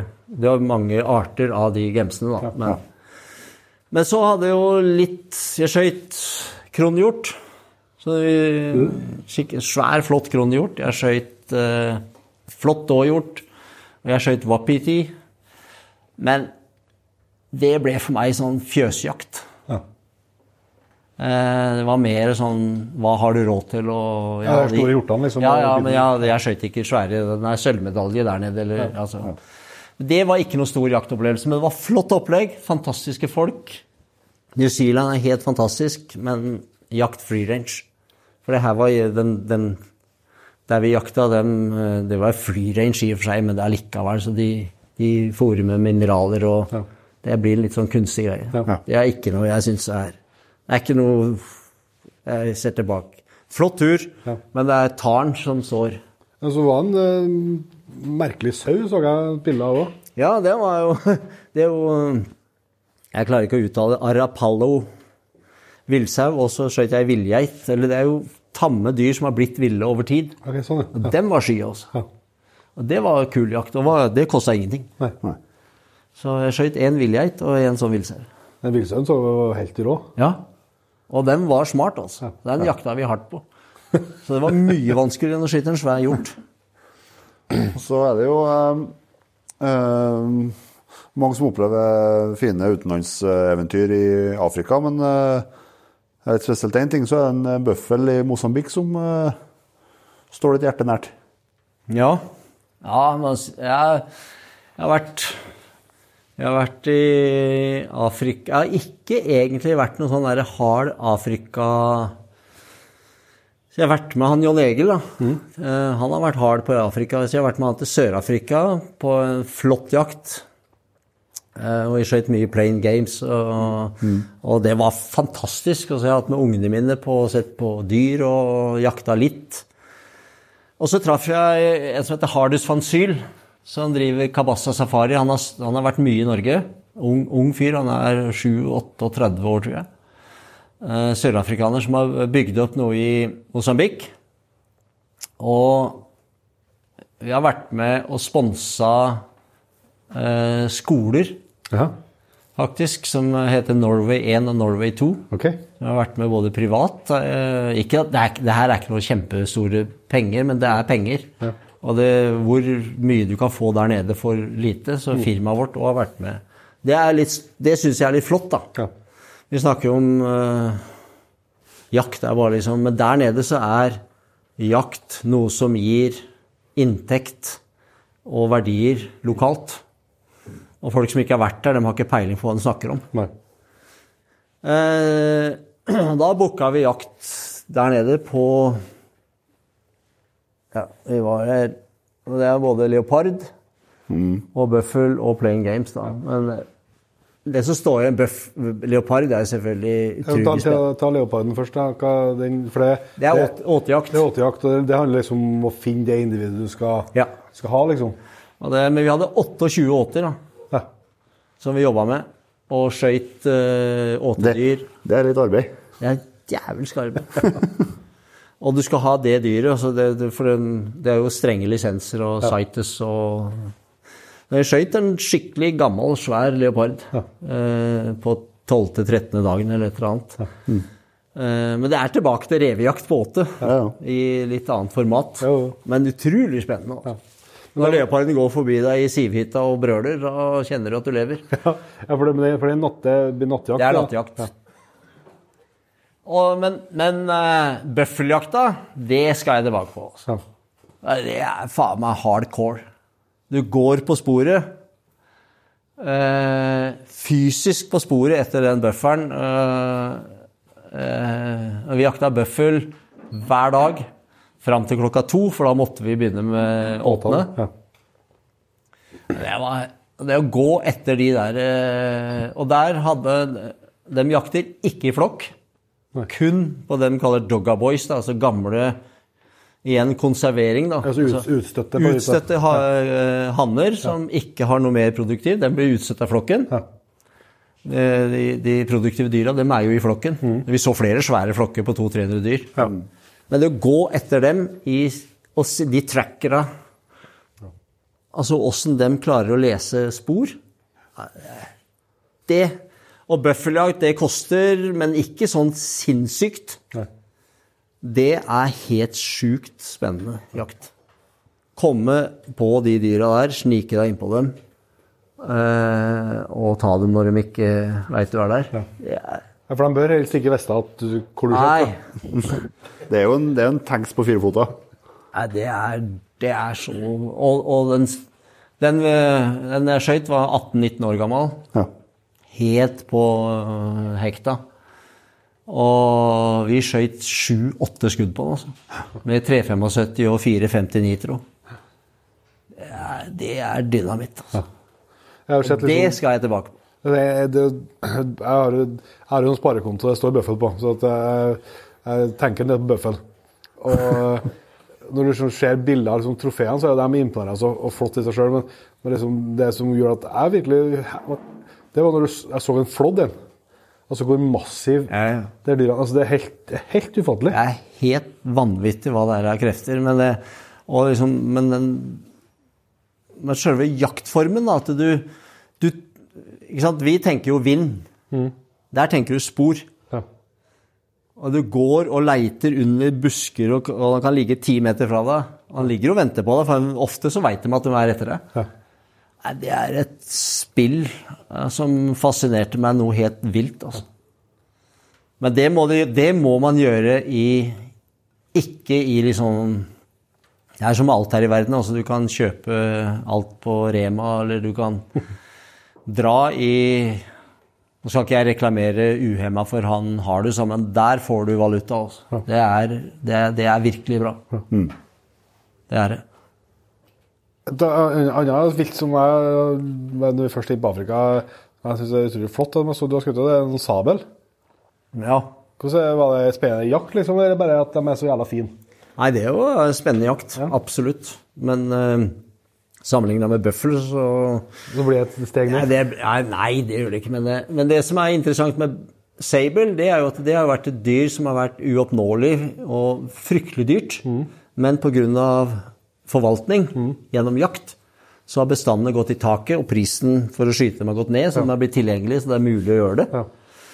Sånn at eh, så det er Men det, det blir som en eh, Og i, i de områdene her så er det bra, bra eh, populasjoner. Og superspennende jakt, men ikke noe Det er ikke noe mer spennende å jakte den enn en impala. Nei, nei, skjønner. For den, den, den, eh, den er der, og, og Det må ikke støkken å få komme seg innpå, ja. Ja, ja, altså den, det- den, Du må selvfølgelig gjøre jobben. Ja, ja. Men det er ikke noe eks, den var, hvis du går 25 år tilbake, så var den eksepsjonell. ja. Fordi at det var så få Er så Ja. det vanskelig å få Ja. tak på. Liksom. Men nå har, gjennom konservering så har den blitt eh, en bestand som, eh, som er absolutt oppnåelig. Og fantastisk dyr. Ja, ja. Og så nevnte du eh, Vi var innom på Games i, i New Zealand, men, eh, men det har du jakta i Østerrike, og det er jo, det er jo fjelljakt. Da er vi tilbake på fjelljakta. Ja. Ja. Og det er eh, Det er jo Det er jo fjelljakt du har i Europa Jeg skulle holdt på å skulle sagt med Russland, men det har vi jo ikke, det er ikke så lett tilgjengelig lenger. Men Men fremdeles, du har jo i Pyreneene har du en. eh, kar- eh, altså Pyreneisk gems, som er én art. På fransk og spansk side. Og så har du eh, den alpine gemsen, som er i Italia, og Østerrike. Men som er veldig lett tilgjengelig å jakte i Østerrike. Ja. Og det er en eh, ja, relativt enkel tilgjengelig jakt. Du kan dra på en fem-seks dagers tur. Eh, Vi var i Gemünd, heter det, i en liten fjellbygd i Østerrike. På Skarpa eh, skomerke Ja. sitt terreng. Som, den turen fikk jeg faktisk i 50-årsgave av Jon Egil og Gunnar. Ja. Så eh, det var flott tur. Og nydelig, fantastisk jakt. Og den er ikke sinnssykt dyr. Hvis folk snakker om Det er sånn Det koster 30 000 kroner. Sirkus. Så du sparer et år eller to eller tre eller fire etter hva du måtte, Ja. så er det mulig? Så er det mulig. Og det, er, eh, det var flott, flott jakt. Bodde i ei lita fjellhytte sammen med en lokal guide. Lagde mat sjøl og sneik. Og det var rent på beina. Pure fjelljakt. Veldig, veldig bra. Jeg syns det er mye, mye av det jakten som du øh, altså Bare det vi har vært innom til nå, så det er jo mye kikkert involvert her, da. Ja, ja, liksom Gjennom det jeg sa, at jeg dykka ned i det med får og geiter og Jeg har fått en fascinasjon for det og, og deg og dyret, da. Ja. Eh, men det, det handler om liksom å De største liksom Det vi snakker om veldig ofte når vi reiser hjem fra en tur, det er alle de forlatte folka og det, kulturen og den naturen vi har opplevd. Det er ikke om dyret er gull eller sølv eller stort eller liten. Det er så, så det å, så, men, men det fjelljakt har, eh, det henger jo litt i hop med reinsjakt. Men når du først får den her eh, fascinasjonen for det gjeteren og sauingen, så blir det jo fort en del eh, runder langt vekk i stand. Eh, og der har du jo Blant annet får jeg et bilde fra Aserbajdsjan. Og det, Ja. det dyret som jeg så der, jeg skjønte at det var geit, geitfamilien. Det, men det, mer enn det skjønte jeg, så ber jeg må spørre deg, men du kan ikke før. Jeg må se på avtalen min. Dagistan tur. Ja. Tur. Ja, det var en helsikes uh, Det er en geit. Den var stor. Ja, ja det er så Gerilja, liksom lang og kraftig. Og, Ja. Det er jo en, egentlig en geit blanda litt med sau, men det er en geit. Jaha. Og det er en tur.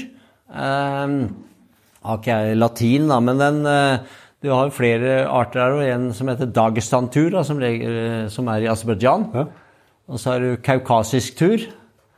eh, og Cuban-tur. Men bottom line er at det er litt av de samme dyra. Da. Men det er svære geiter. I Trøndelag har vi noe som heter Turene som teller. Ja. Det blir jo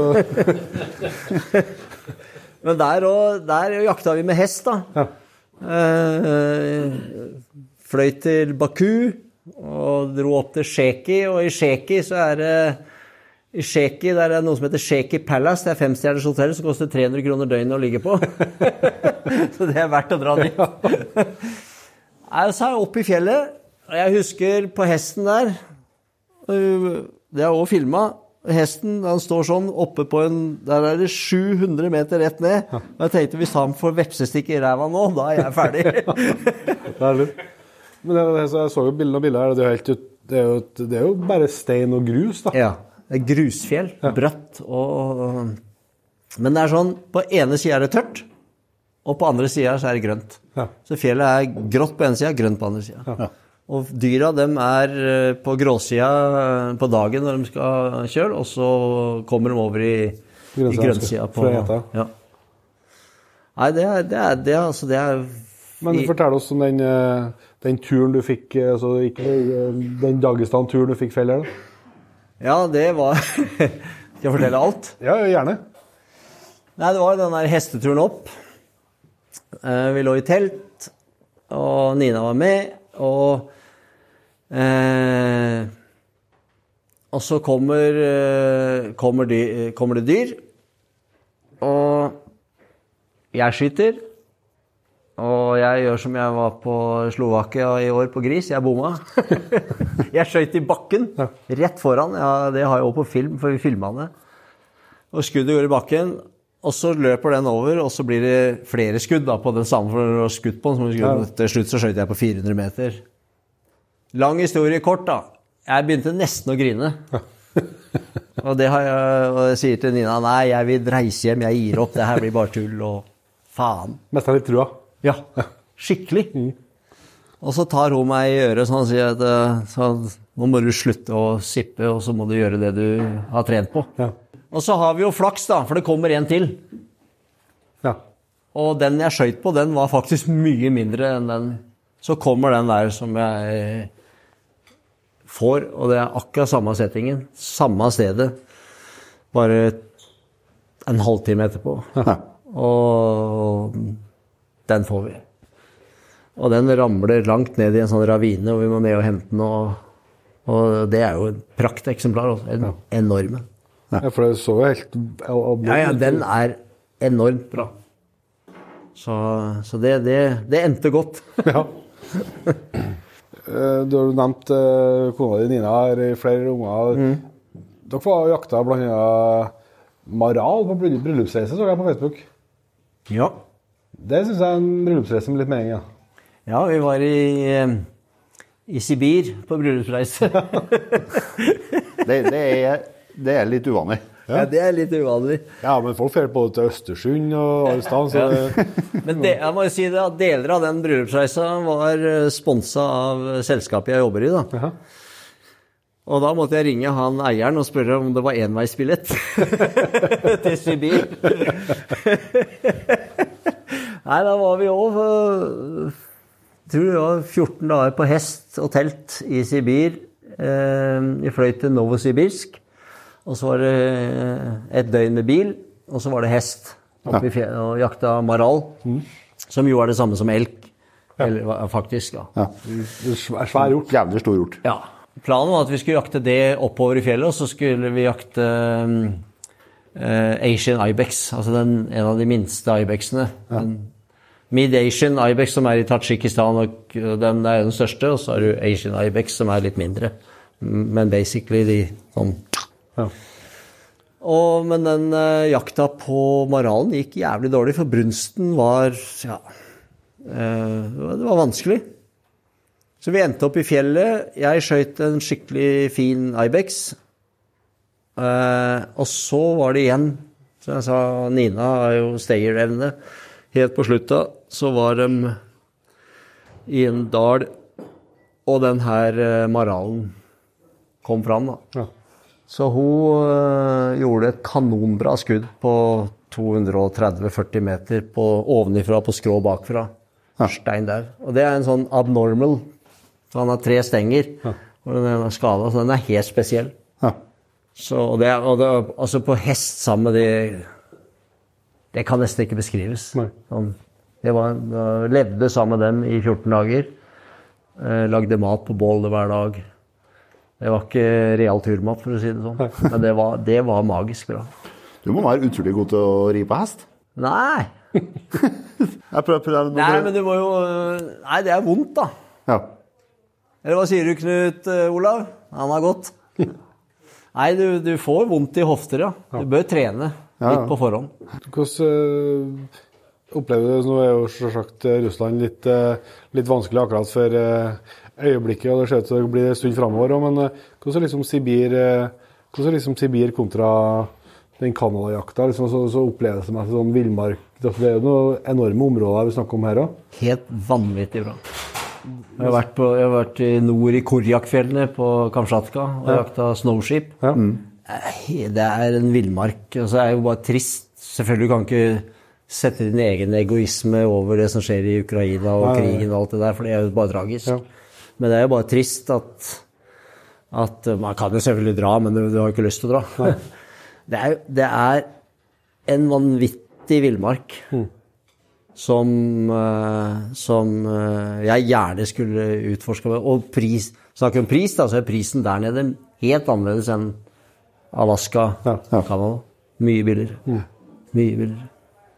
Det er uh, Korjakfjellene i, i nord på Kamtsjatka. Vi jakta snowship. Eh, Noe av det råeste villmark jeg har opplevd. Ja. Helt, det er helt urørt. Ja. Jeg spurte dem inni en dal der hva heter det her. Altså, det heter ikke den. I don't know. Har ikke vært folk før.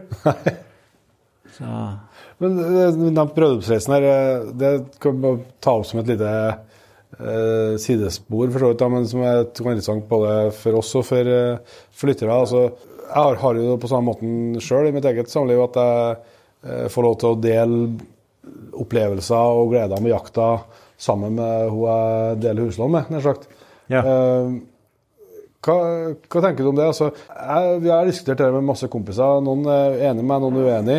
Men jeg mener at det, når du får den muligheten til å liksom eh, dele den her store lidenskapen for eh, eh, å dele her magiske opplevelsene og magiske øyeblikkene sammen, så det har stor betydning i, i livet og samlivet. Ja. Ja, det må jeg Nå har jeg jo jeg, Hva skal jeg si? Nå føler jeg meg har levd to liv. Og det ene har vært rett når det var rett. For det er liksom, jeg har ikke noe vondt å si om min ekskone, som jeg sa. Men det å Og Nina sier jo jeg er kjerringa i samlivet. Så Nei, men det, det å være på jakt sammen med den, og den du elsker, da og og, og jeg, jeg, jeg er så utrolig lykkelig over at jeg traff henne. Ja. Um, for hun er en sterk, selvstendig dame som står på egne bein og bør ikke bevise noe som helst. Nei. Men det å være på jakt med ho da, når vi er på tur, og ikke tenke på liksom, å gå rundt på tå hev og liksom Har du det bra nå? eh, ble det litt for lenge? Det bør ikke tenke på det, liksom. Vi er på jakt, og liksom det, er, det er ganske harde tak innimellom. da. Liksom det er akkurat som uh, jeg og Åserund eller uh, Ja, det, det er harde liksom, Faen, hvorfor gjorde du ikke det? Ja. Det er en utrolig berikelse. Eh, å slippe konflikten om kjøp av utstyr. Ja, sånn som jeg er her nå.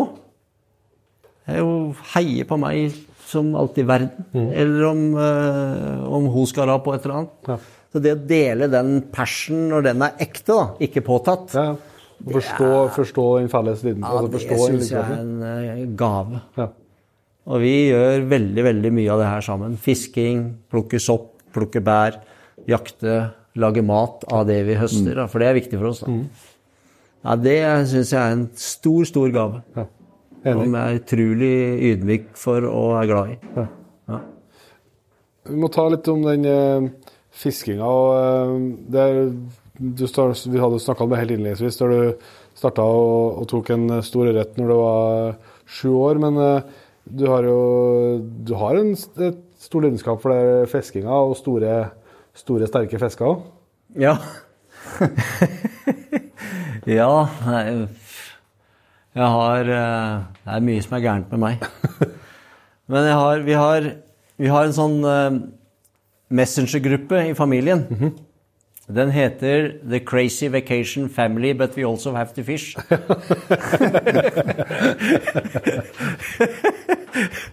Og det går på det at uansett når vi har booka en eller annen eh, familieferie, da Vi har jo blitt en stor familie med liksom Nina sine barn og mine barn, og skal merge det eller slå det her sammen. Og så skal vi dratt på noen turer. da. Så når vi har bestemt at vi skal på et sted, da, og det kan være i Norge eller det kan være i utlandet, uansett da, når det er bestemt, det første jeg gjør da, er hva kan vi fiske der? For det er jo sjelden jakt i de områdene. da, Det er gjerne badestrender. Ja. Så og det har liksom Jeg øh, har alltid hatt lyst til å, å fiske store fisker. Ja. Og det brakte oss til Lagomera. Ja, det, det, det, det brakte oss dit. Ja, dere skal dit! ja, det var i 2019, så dro vi dit. Og det var en fyr som heter Johan Mikkelsen, en profesjonell fiskeguide, som faktisk bor i Lofoten, som sa til meg du må dra til Lagomera, du må fiske med Valentin. Ja, jeg sa til Nina drit i at det er Kanariøyene. For Kanariøyene for meg, det har vært liksom helt ko-ko. Og så jeg drit i det, jeg vi skal fiske. Så dro vi dit, og så lander du på Tenerife. Så tar du ferja over 50 minutter, så kommer du til en annen verden. Det er akkurat som jeg er 80 år tilbake i tid. Fins ikke gateselger, de snakker spansk. Kanskje noen ord og engelsk. Det er lokal mat. Og så er det fisk i verdensklasse utover der. Ikke det at det er lett, også. For det er ikke sånn at du Jeg pleier å si det sånn. Det er som å dra og si at jeg vil skyte en 20-tagers elg. Ja. Men de er der. Ja. Og det er mulig. Men du må slåss for dem. Og det, vi var der og fiska og fikk fem Blue Marlin på fem dager. Og det minste var 200, den største var 350. Det er helt episk. Men vi lærte dem om hall, da. Nordnorsk hall, har dere hørt om det? det ja, vet du hva, det lærte vi de gutta der nede. For at uh, første morgenen Jeg hadde aldri møtt disse gutta før, og kom dit og fikk veldig god kjemi og dro ut og hadde vært ute to timer. Bang! Der satt en Blue Marlin på 300 kilo. Vinsja han inn. Eller vinsja han inn, det er en kamp, da. Du får, du, du, ja, for du får det til å høres lett ut nå. Nei, det er ikke lett. Det tar fra fra 30 minutter til to timer, avhengig av fisken. egentlig. Du kan egentlig ikke styre fisken, for det er fisken som bestemmer. Ja. Eh, og så gjorde vi det her dagen etter. Ny fisk. Da var det Nina som kjørte. En litt mindre en allikevel. Og så kunne ikke vi gi oss at vi måtte fortelle disse gutta om hall. da. Det, har dere hørt om hall? Ja, Det, det, det nikkes. Ja, det nikkes. Ja. Og det forklarte vi disse spanske gutta. ikke sant? Så tredje morgen, da Er det noen som ikke kan hall? Eh, Torgny, kan du ikke hall? Det, du liker å fiske. Du sa til meg at du liker å fiske. Hall, det er fiske, fiskerens kone i gamle Dette er seriøst i Nord-Norge i gamle dager. Når du skulle dra på fiske på Lofotfiske eller ut på havet, så skulle kvinnen gi mannen den beste muligheten for å få fisk, og det var å gi sex. Så tett opp til avgang til fisketuren som mulig, for da var sjansen best. Det er kort fortalt. Og så fins det masse varianter av det. her. Nødhall, fremmedhall, brunhall, rødhall. Sjølhall. Sjølhall. Sjølhall. Emergency hall. Det her forklarte vi gutta på Kanariøyene. Og, og tredje morgenen vi kom ned Vi hadde fått to dager med fisk, ikke sant? Og så sto vi på kai der, og Valentin spurte You have hull?' og vi Yes! Ut! Vong!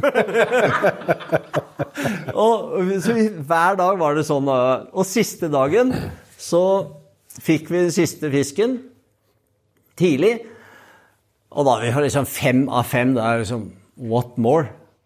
Så sa vi Javier, er dekkmaten, han som er på dekket, som eh, jobber med stengen og lina, og det her er jo en Det er jo teamwork, altså. Og så, han hadde aldri dratt inn en Marlin sjøl. Han har jobba på dekk og Så sa jeg Javier, nå, nå, nå kan du Og ti minutter etter, det bang! Fisk på. Og den To minutter, så slapp den.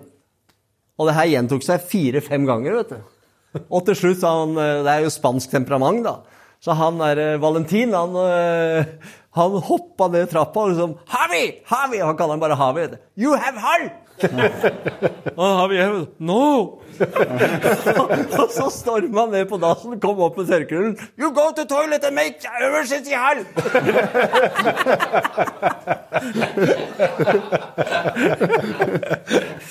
så var det. Ja. Da skjønner jeg hvorfor vi, skal til å lage vi skal til Lagomera. Nå er Yes. det på, Ja, ja, ja, ja. Nå er det på, nå er det på rime. Er du på demmer for deg. Ja, det gjør det. uh, vi skal ja, det, det er så mye turer vi kunne ha snakka Ja. om, der har sett, men eh, en, eh, en tur uh, som jeg har sett, er Tyrkia. Uh, der er jo noen geiter, da. ja. Ibex. Ibex. Besoar. Ibex. Aha. Den kaller det the mother of all ibex. Okay. Altså, alle geiters mor. Ja. Ja. Uh, ja, og det, det, det har vært. To turer. Første gangen da hadde guiden knekt armen, og, og vi hadde en, eh, en eh, assistent. Da bodde vi i telt, og det var storm, husker jeg. Det der, eh, teltet vårt det lå paddeflatt oppe i fjellet der. Men så hadde vi en fyr så, og, som var eh, Jeg vet ikke hva han var, men han i hvert fall hadde sånn besettelse. Han skulle ha rifla mi stående inne i, i et sauefjøs, hvor de lå i. da. Vi lå i telt, og de bodde i sauefjøs. Og så var han sur og tverr, og jakta gikk dårlig, altså. Og vi fikk ikke noe dyr heller. Og, han, og så var han Han var rett og slett Han virka truende, da. Og så spurte jeg er det noe galt. Han sa I have crazy attack in my head.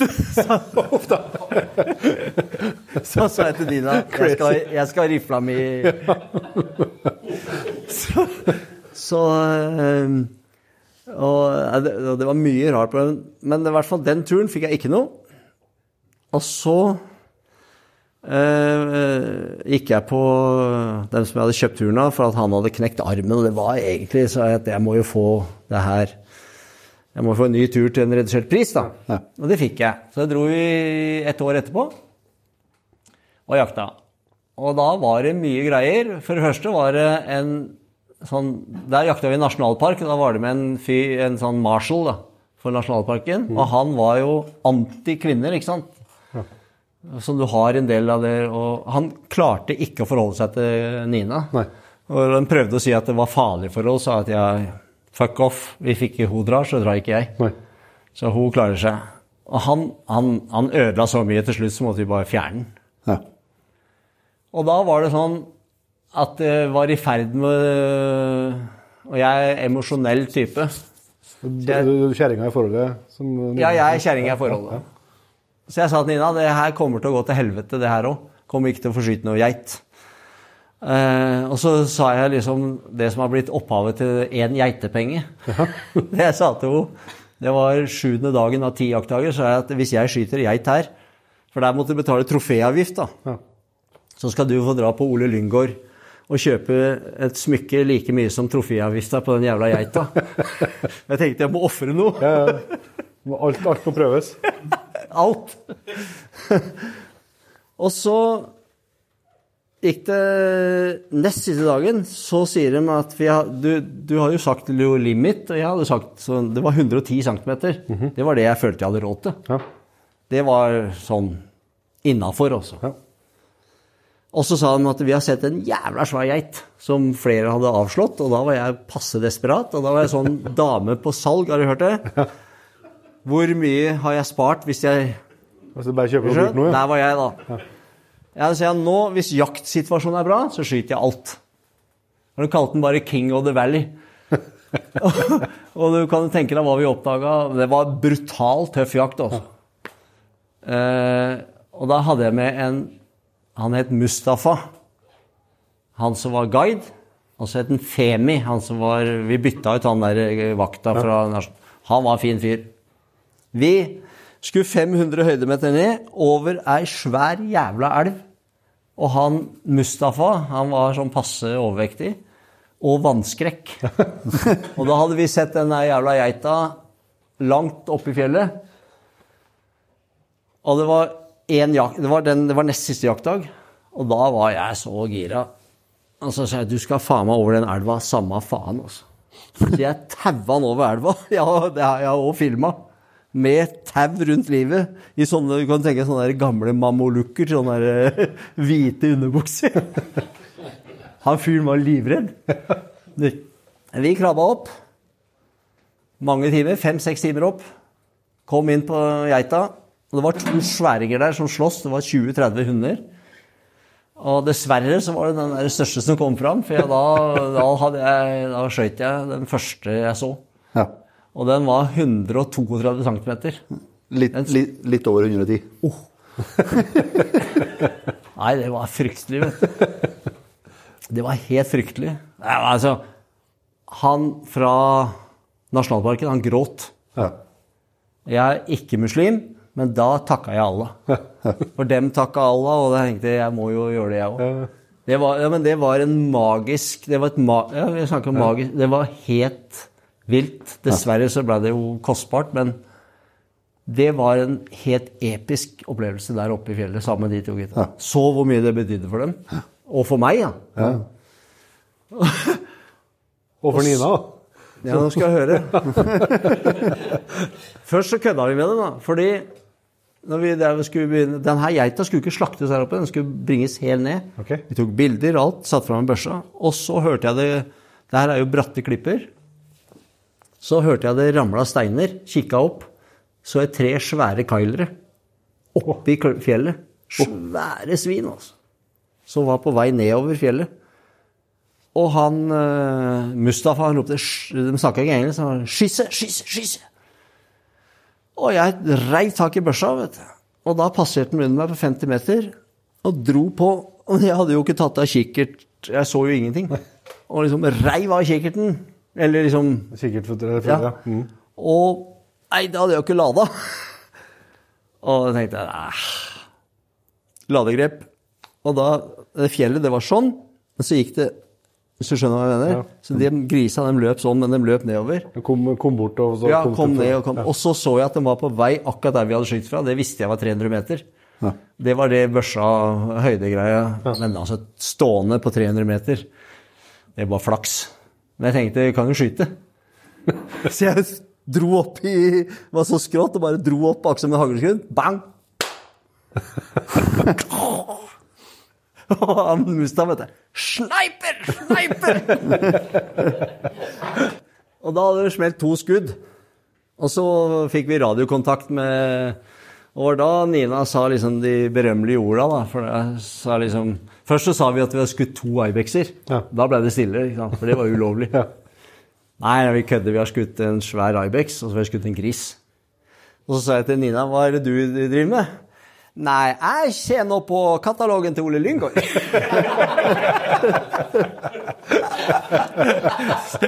så, så der har vi Der, der ble det født ordet 'én geitepenge'. Men den turen og fløte fløta den geita over eh, elva, Ja. Ja. jeg, kommer jeg aldri i mitt liv til å glemme. Med den der gamlingen. Det var helt vilt. Helt vilt. Og grisen måtte jeg håndtere sjøl, for den tok ikke inn. Nei. Nei. Så jeg ordna opp i den sjøl. Det var, det var en diger, diger kar der, det. 200 kilo. Ja. Svær jævel. Tøft.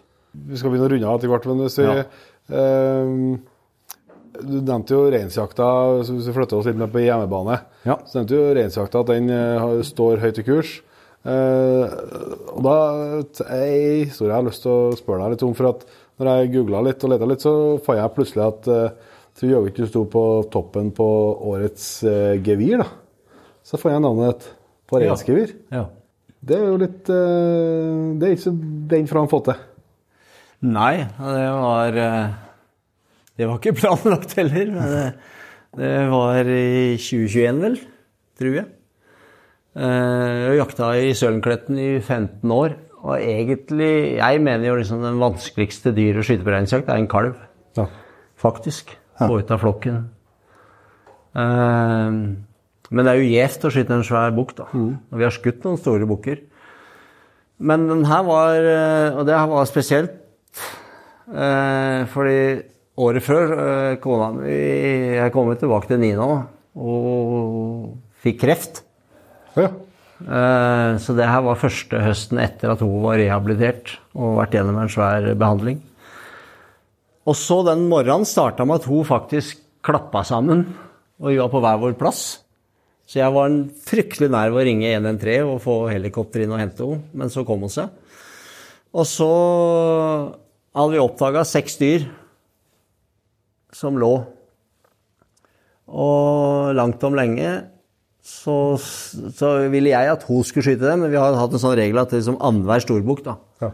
Og vi har ikke skutt så mange storbukker. også. Jeg har faktisk delt og raust med kompiser. Uh, han Ivar, han pensjonisten jeg snakka om, han har skutt en flott storbukk i Sølenkletten sammen med Christian Mathisen. Men da sneik vi oss inn på dem, og jeg ville at Nina skulle skyte. For jeg hadde sånn veldig, det føltes at hun skulle Men hun var stein hard på at nei, det er din tur, så du skal skyte. Og sneik oss fram, og så var det vanskelig å komme på riktig hold.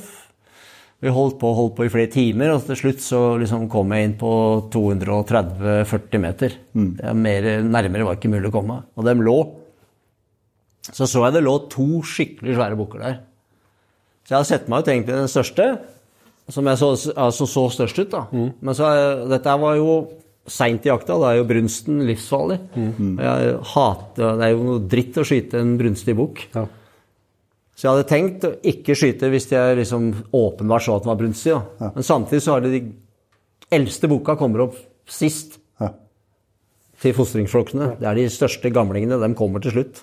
Så hvis du finner buk, enslige bukkeflokker, altså som ikke er Så er det, det er skutt mange storbukker seint Ja. uten brunst. De hadde et håp, da. Og så langt om lenge så reiser de seg, og så ser jeg den største som jeg så som største, da. Den så jeg, den var helt svart i Den er uaktuelt. Og så så jeg han til sida, var helt kryddhvit i buken. Og ikke noe tegn på at han liksom krumma ryggen eller Så jeg tenkte nei, den sjansen tar jeg. Deg tar jeg. Og det var ikke så lang tid på det. Nei, nei. Så jeg rappa til den, og den gikk bare rett ned. Og jeg kunne skutt den neste òg, for den bare, de, ja, de skjønner jo ikke hva som skjer når det smeller. Vi lå bare lavt der. Og så sier jeg Nina lå 30-40-50 meter tilbake, men sier jeg jeg skøyt den minste. Men den tror jeg ikke- ikke er brunst, så jeg er happy. Og så går jeg, har jeg GoPro-opptak, så jeg går nedover den. Så det er liksom når, du, når jeg kommer inn på den, så plutselig så skjønner jeg liksom at det her er Enormt. helt vilt. altså. Ja. Og den var helt brunstfri. Og slakta den sammen med Nina, sammen med Ivar, han pensjonisten.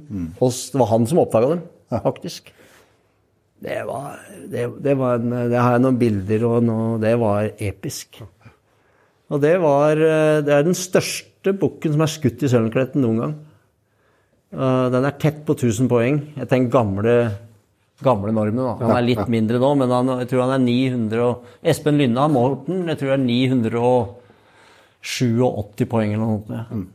Så det er en grom bukk der. Og det, er ikke for, det her er ikke forholdene, nei. men eh, det er den største som er skutt der. Så Og den har jeg den har jeg hatt på hytta vår på Beitostølen, men det, da jeg var der oppe nå, så, så Eller jeg besøkte Christian sånn på Atna. Han har jo restaurert hele hovedbygningen sin, og det er Så sa jeg til henne at eh, den syns jeg skal henge her. Ja. Og det så jeg at det betydde litt for den. Ja. Så den skal jeg ta ned derfra nå, og så skal den henge på Atna. Der den hører hjemme. Ja, det syns jeg er kult. Den- så kommer den hjem igjen. Ja, da er den hjemme. Og Det var, det var jo da Det ble kåra til årets reingevir i 2022, den, ja. Det var i 2022, ja. Ja, ja ja. stemmer. Stemmer det. Ja. Hvis Før vi eh, tar den faste avslutninga vår, så, så er det, liksom, synes jeg alltid interessant å snakke med, med folk eh, som har eh, både prioritert eh, hardt og, og jobba hardt for å, for å kunne reise rundt og, og, og lete etter eh, eventyr og oppleve eventyr, så, så har du det troféjegerbegrepet. Ja. Um, som helt sikkert mange har lyst til å trykke på deg òg. ja. Uh, Jeg har jo snakka såpass mye med deg at jeg skjønner at uh, det er ikke uh, det er ikke det det handler om for deg. Men hva, hvordan kan, du, kan du prøve å liksom sette ord på det, eller forklare liksom hva forskjellen på altså, eh, Om noen og dem som ønsker å reise rundt for å jakte de største trofeene, så er det helt i orden for min del. Jeg har ikke noe i betenkeligheter med det. De eh, må forholde seg til lover og regler og betale som, som alle andre. Men så for din del så opplever jeg ikke det er det som er Det er jo de magiske øyeblikkene du, du snakka om. ja. Hva, men hvis du prøver å sette ord på det, liksom, sånn at folk skal forstå det For at eh, når du liksom hører om eh, Trygve som har reist verden rundt, så er jo ikke eh, det det første som folk tenker. at Han leter sikkert med en magisk øyeblikk. Nei, nei og, det, og det skjønner jeg. Men eh, hvis jeg skal prøve å sette enkle ord på det, så er det sånn at det, eh, Noen ganger så er de eh, det, Jeg har lært av igjen Nina, hun jobber jo med media, og, og setter verden i perspektiv. av Hvor er du er? Og vi bor jo i Tromsø, og da må vi snu liksom Det er vårt perspektiv, da.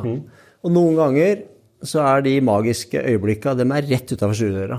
Og mange av oss ser dem ikke. Det at vi er her nå, det er jo magisk. For det er mange som ikke har muligheten, og mange som har muligheten, men gjør det ikke. Så det å være her sammen med gode venner, det er for meg et magisk øyeblikk. Og da er det sånn En ting som er helt sentralt i mitt liv, da, det har vært helt ifra jeg var liten gutt, det er å fyre bål. Og det bør ikke være noe mer enn det. det dra ut på Kvaløya, ti minutter utenfor Tromsø, fyre opp et bål, koke kaffe. Det er for meg et magisk øyeblikk. Og så kan jeg dra det litt videre. Jeg kan dra et fiske torsk utafor Kvaløy. Jeg kan jakke rype. Liksom.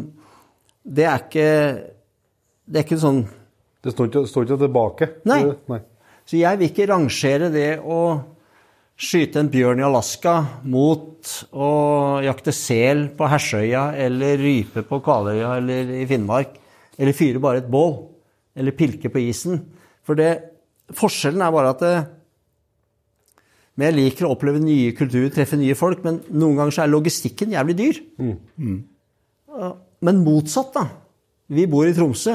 Vi ser jo får folk fra Kina, Japan De valfarter til Tromsø for å se nordlyset.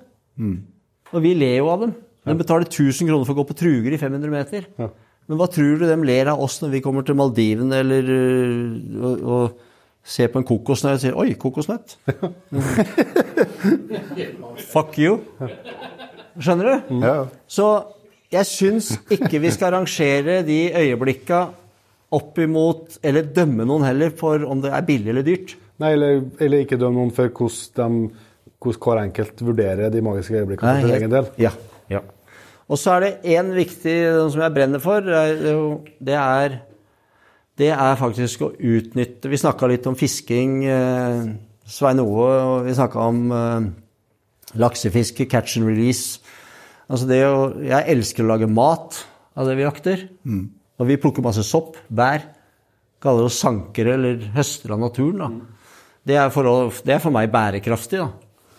Og, og så tror jeg en jævlig viktig ting Vi som er jegere, vi må stå opp for det vi driver med. Og ikke gjemme oss. Derfor er jeg liksom Jeg, jeg, jeg driter om noen kaller meg troféjeger, men jeg legger igjen masse midler lokalt der vi er til stede. Og så, er- så sier dem som, ikke, dem som kritiserer eh, jakt i Afrika Har du vært i Afrika? Nei, de fleste har ikke vært det. Kanskje du skal dra en tur først og orientere deg og få fakta. For vi legger igjen masse ressurser direkte der nede. Så jeg mener at vi, vi skal stå opp og være stolt av det vi driver med. For det er, i den verden vi lever nå, så er liksom jakt, fiske, høsting av naturen Det er så bærekraftig som du kan få det. Yes. Og det skal vi faen meg være stolte av. Det er i hvert fall jeg, da. Helt enig. Og så er Det driver meg. med. Og så er det sånn at uh, hvis man liksom setter opp en tidslinje og og prøver å forestille seg fra vi begynte å gå på to føtter fram til i dag, så er det, det er et knips den Ja. tida jakt ikke har vært en helt naturlig del for 100% av befolkninga. Absolutt. Det er så, og, og, og, og, ikke, og ikke tro at det er en del av oss, alle i hop, men sannsynligvis i varierende grad. Og, og kanskje vil det oppleves forskjellig når du har, når du har utdødd og ikke. Men det er jo selvsagt det er jo en del av oss. Det er, jo- det er jo et instinkt. Det er en naturlig del av oss. Du kan ikke drive og undertrykke sånne ting. Nei. Det er jo fy-fy på alt annet i samfunnet. Ja. Absolutt. Jeg synes Et godt eksempel på det du beskriver, Trygve, det er eh, Du har vært inne på at du driver og filmer en del. Jeg har sett eh, noen av filmene som, du, som blir lagt ut på Jakt for livet-play til Ja. Robert. Eh, Deriblant eh, noe kveitefiske. Ja. Der, du, der dere får Du og Nina og, og en til får ei stor kveit. Ja. Og det er en glad Trygve om bord i båten der da, når den, når den kveita kommer om bord båten. Men det, er- på slutten av filmen der så er det jo med noen klipp fra når du driver og gjør opp den kveita, Ja, og ja. vakuumpakka foran fryseren. Ja. Og den Trygve du ser der, den er, han er minst like blid, han, som Ja. får den der maten der Ja. rett i fryseren. Absolutt. Ja, det, er, det mener jeg er eh, en viktig del av det å, det å høste av overskuddet. Da. Som, eh, som, og det er helt naturlig. Så ja. Da skal vi komme oss eh, i land her. Vi har noen faste punkt. eh, Vi Skal på jakt i morgen tidlig vi. Vi skal på jakt i morgen tidlig, Ja. så vi må stige opp snart. Vi har noen faste punkt. Jeg vet at du innimellom hører på Jegerpodden, så, så du kanskje er kjent med dem. Men eh, hvis vi starter på toppen eh, og utfordrer deg på å komme med ditt beste, beste jakttips, hva kan du dele med oss da? Mitt beste jakttips, det er eh, å i den moderne verden vi er nå, la alle de eh, elektroniske dippeduttene ligge i lomma og følge med på post Ja. når du er på post. Hold kjeft og stå i ro. Ikke jævlig kje- kjedelig? Ja. Nei. Da er det, det er kanskje mitt beste jakttips. Det er kjempebra. Veldig enkelt. Ja, bra. Hvis det er noe jaktutstyr du skal trekke fram da, som eh, du har vært veldig godt fornøyd med? Ja, det må bli blazer. Ja. Rifla. Jeg er ikke noe våpenfantast. Det, det humres borti. Nei, men det, det, det er ikke Jeg er verken kjøpt eller betalt eller sponsa noe som helst. Men eh, jeg er ikke sånn egentlig våpeninteressert. Men det er et våpensystem som funker. Så det var det Ja. Ja. Bortsett fra brukeren, da, Knut. Men nå, nå har du jo siden 98 eh, vært til utlandet, og du har eh, Nei, jeg kan si, Nå er én en ting til på Ja. utstyr. Stone Glacier ryggsekk. Ja. Ja. Det er fantastiske sekker. Ja. Det skal jeg drive reklame for. Ja. Det er heller ikke sponsa, men det er bra saker. Bra. Men når du har vært jakta store deler av livet og reist til utlandet fra de siste snart 30 årene nå, eller 25 årene i hvert fall, eh, er det, er det noen jaktdrøm eh, som du har i deg som du ikke har fått levd ut ennå? Ja, det er mange, men Men ja, igjen, jeg har liksom eh, eh, Vanskelig for å rangere dem opp mot hverandre, men jeg, jeg har flere drømmer om flere geiter i høye fjell. Så lenge beina tåler. Men, men det koker faktisk ned for meg til å oppleve de gode øyeblikka. Så jeg, jeg har ikke lyst til å si at det er jeg klarer ikke å rangere at liksom den er noe bedre enn den. Nei. Jeg klarer ikke, for det, så vet det er du, du, vet jo du vet jo ingenting før øyeblikket har vært der. Nei. Men jeg har ting som jeg ligger foran meg, som jeg, som jeg brenner for, ja. og som jeg har lyst til å gjennomføre. Så jeg kunne sikkert range, Eller ikke range, men jeg kunne sikkert sagt mange ting. Men, men det kan like gjerne være en Altså det å jakte rype på Finnmarken, som jeg har gjort mange år. Ja. Men det er mye jeg ikke har opplevd som jeg, som jeg har lyst til. Men jeg klarer ikke å plukke ut ett, altså. Nei. Nei, men det må være lov, det. Ja. Så lenge vi vet at det er flere der, så er det jo greit. Ja, men det handler om de Det er, det er tilbake til det jeg jakter på. Det er liksom de øyeblikka. Ja. Det er dem jeg egentlig er ute etter. Og det kan, det kan være så mangt. Ja. Og så er det jo sånn, Trygve, at eh, vi bruker bestandig å avslutte eh, hver episode. eh, At vi har med oss en gjest eh, med ja, ei jakthistorie. Og så er det en fugl som har kviskra meg i øret at, eh, at uh, du har en historie som omhandler fly og Finnmarkshydda. Ja, den, ja. Jeg har mange historier. Vi, vi tåler, vi tåler to, vi, men i hvert fall, vi forsto at vi må ta med oss den, for den var litt dramatisk. Ja, ja, ja den er eh, Det er mange år sia. Vi, vi, det er på uh, Voskojevre. Jaha. Ja, det var jeg og Gunnar Fyltvedt. Vi har uh, ligget og jakta rype, og jeg husker vi hadde skutt 106 Det var før bag limit. 156 ryper. Og vi hadde fire bikkjer. Og vi fløy med Kautokeino flyklubb. Eh, og, og, eh, og så skulle vi hjem, og da hadde vi jo selvfølgelig avtalt Dette er jo dette er mange år siden, det er før eh, 4G og 5G og GA i hele tatt. ja, så vi hadde en avtale om sånn eh, den og den datoen og klokkeslett, og det kom ikke noe fly. Og så vi satte opp lavvoen igjen og, inn, og forsona oss med at vi skulle bli der, for det var lavt, lavt skydekke, lavtrykk, dårlig flyvær. Og så plutselig hører vi et fly, men det var eh, en annen, og da han hørte vi bare nødlanda på et tjern lenger opp. Og da var vi i hvert fall sikre på at vi skulle bli der. Og så kommer han gærningen da, eh, og lander. Og så kommer han inn og taxier inn og sier at ja, nå må dere være jævlig raske, for det er jævlig dårlig vær. og stapper den flymaskinen full. vet. Og jeg hadde sånn svært kamera. Jeg filma da òg. Allerede da hadde jeg våkna med filminteresse. Og stapper den flymaskinen helt stinn av bikkjer, ryper, lavvo. Og Voskojævre det er sånn ca. tre km langt. Og vi taxa helt ned i hjørnet på den, og det var null vind. Og i enden så er det lang myr, og så er det lite høydedrag på kanskje 100 høydemeter med eh, bjørk på Finnmarksvidda. Og så sier han der eh, piloten, jeg sa ikke navnet igjen, så sier han du må du holde utkikk etter den steinen der. Hvis ikke er i lufta da, så må du si ifra. Ja, ja, det var da greit. Og jeg tenkte jeg må jo filme det her, da. Og bare sånn drar på, vet du. Og har det flydd vannfly? Legg imellom på min. Ja. Og når du tar av med vannfly, så i den tara så prøver de å legge hardt over til ene sida for å vippe, for det blir vakuum i pontongen og vannet. Så de legger den hardt over for å røkke den ut av vannet. Så det var liksom Og så har du eh. Så den første gangen var bare. Og så var det tuna mer fuel, og så fortsatte den, vet du. Og så eh, Tredje gangen han var i Steila, og så sier jeg 'nå passerte vi stein'. Og, og så ser jeg bare myrkanten kommer, og han holder bare flatt jern, altså. Har ikke, han firer ikke i det hele tatt. Så jeg tenkte det her går helt til helvete. Og jeg slipper kameraet ned og gjør bare sånn. Takk for alt. Ja. Tenker det her, nå smeller det. Og så får den der flymaskinen i lufta, så vidt det er, og inn over myra.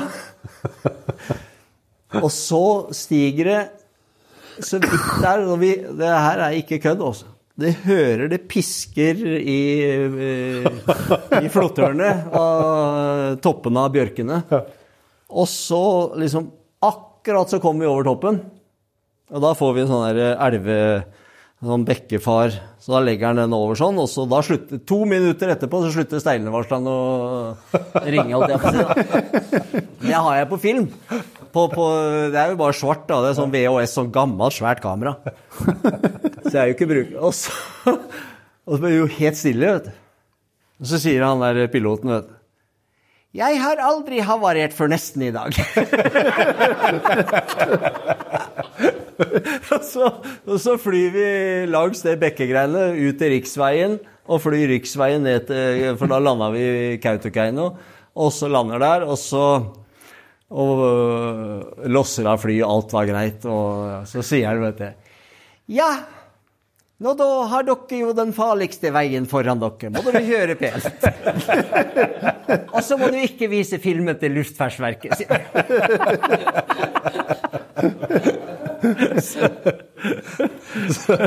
Ja, det var den. Ja, ja, ja. Ja, veldig bra. Det bra. Da skal vi rett og slett si eh, tusen hjertelig takk til deg, Trygve, for at uh, du tok deg tid til en lang og god prat med oss. Det har vært veldig artig, interessant og ikke minst lærerikt. Så tusen takk for det. Jeg synes Gi en applaus til Trygve Aastad.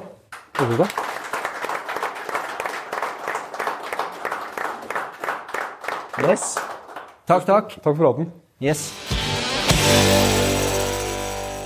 Det var altså Trygve Aasvestad, og eh, jeg må rett og slett kalle det 'Jakten på magiske øyeblikk'. Det er det han oppsummerer det med sjøl, i hvert fall. Ja.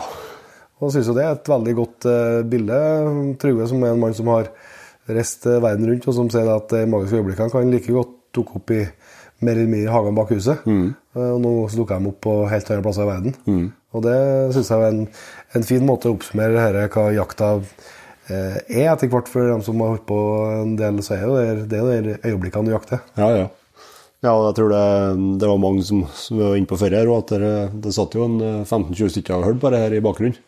Og de, var, de, var, de satt med øynene åpne og var stille og så og følge med hele, gjennom hele praten, dem òg. Ja, gjorde det. Så det føler oss trygge på at dette her var vel verdt å få med seg. Så vi må si takk til Trygve og til hele gjengen som var med og, og la ramma rundt det.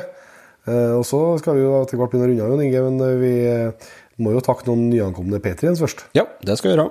Så vi sier tusen hjertelig takk til Einar Gjellum, Kai Roger, Jørgen Rosendal, Konrad Berntsen, Knut Olav Gjerstad, Eirik Haugnes, Jan Ove Flemsæter, Jan Tore Hemli, eh, Ludvig, André Ertesvåg Mariell Løseth. og Alexander Elvheim. Tusen hjertelig takk til alle dere. Dere er jo resten av jaktlaget inkludert. Da, er jo eh, invitert til premiere for eh, Jegertoner nå på søndag. Ja. Så det må dere ikke gå glipp av. Og så eh, er det jo straks klart for Camp Villmark. Eh, Vi skal dit og ha show og stand, og billetter til liveshowet ligger ute. Og det er bare å klikke seg inn og få med seg det òg. Og det, de billettene de går ganske fort unna. Det. vil Jeg si, så at eh, det er ikke noe vits å sitte og vente. altså. Niks. Og er du Patrion, så får du ekstra god pris på dem òg. Ja. Som seg hør og bør. Bare fordeler. Er bare fordeler. Så det, vi tar og runder av det er ingen steder som bruker å høre neste gang. Vi høres.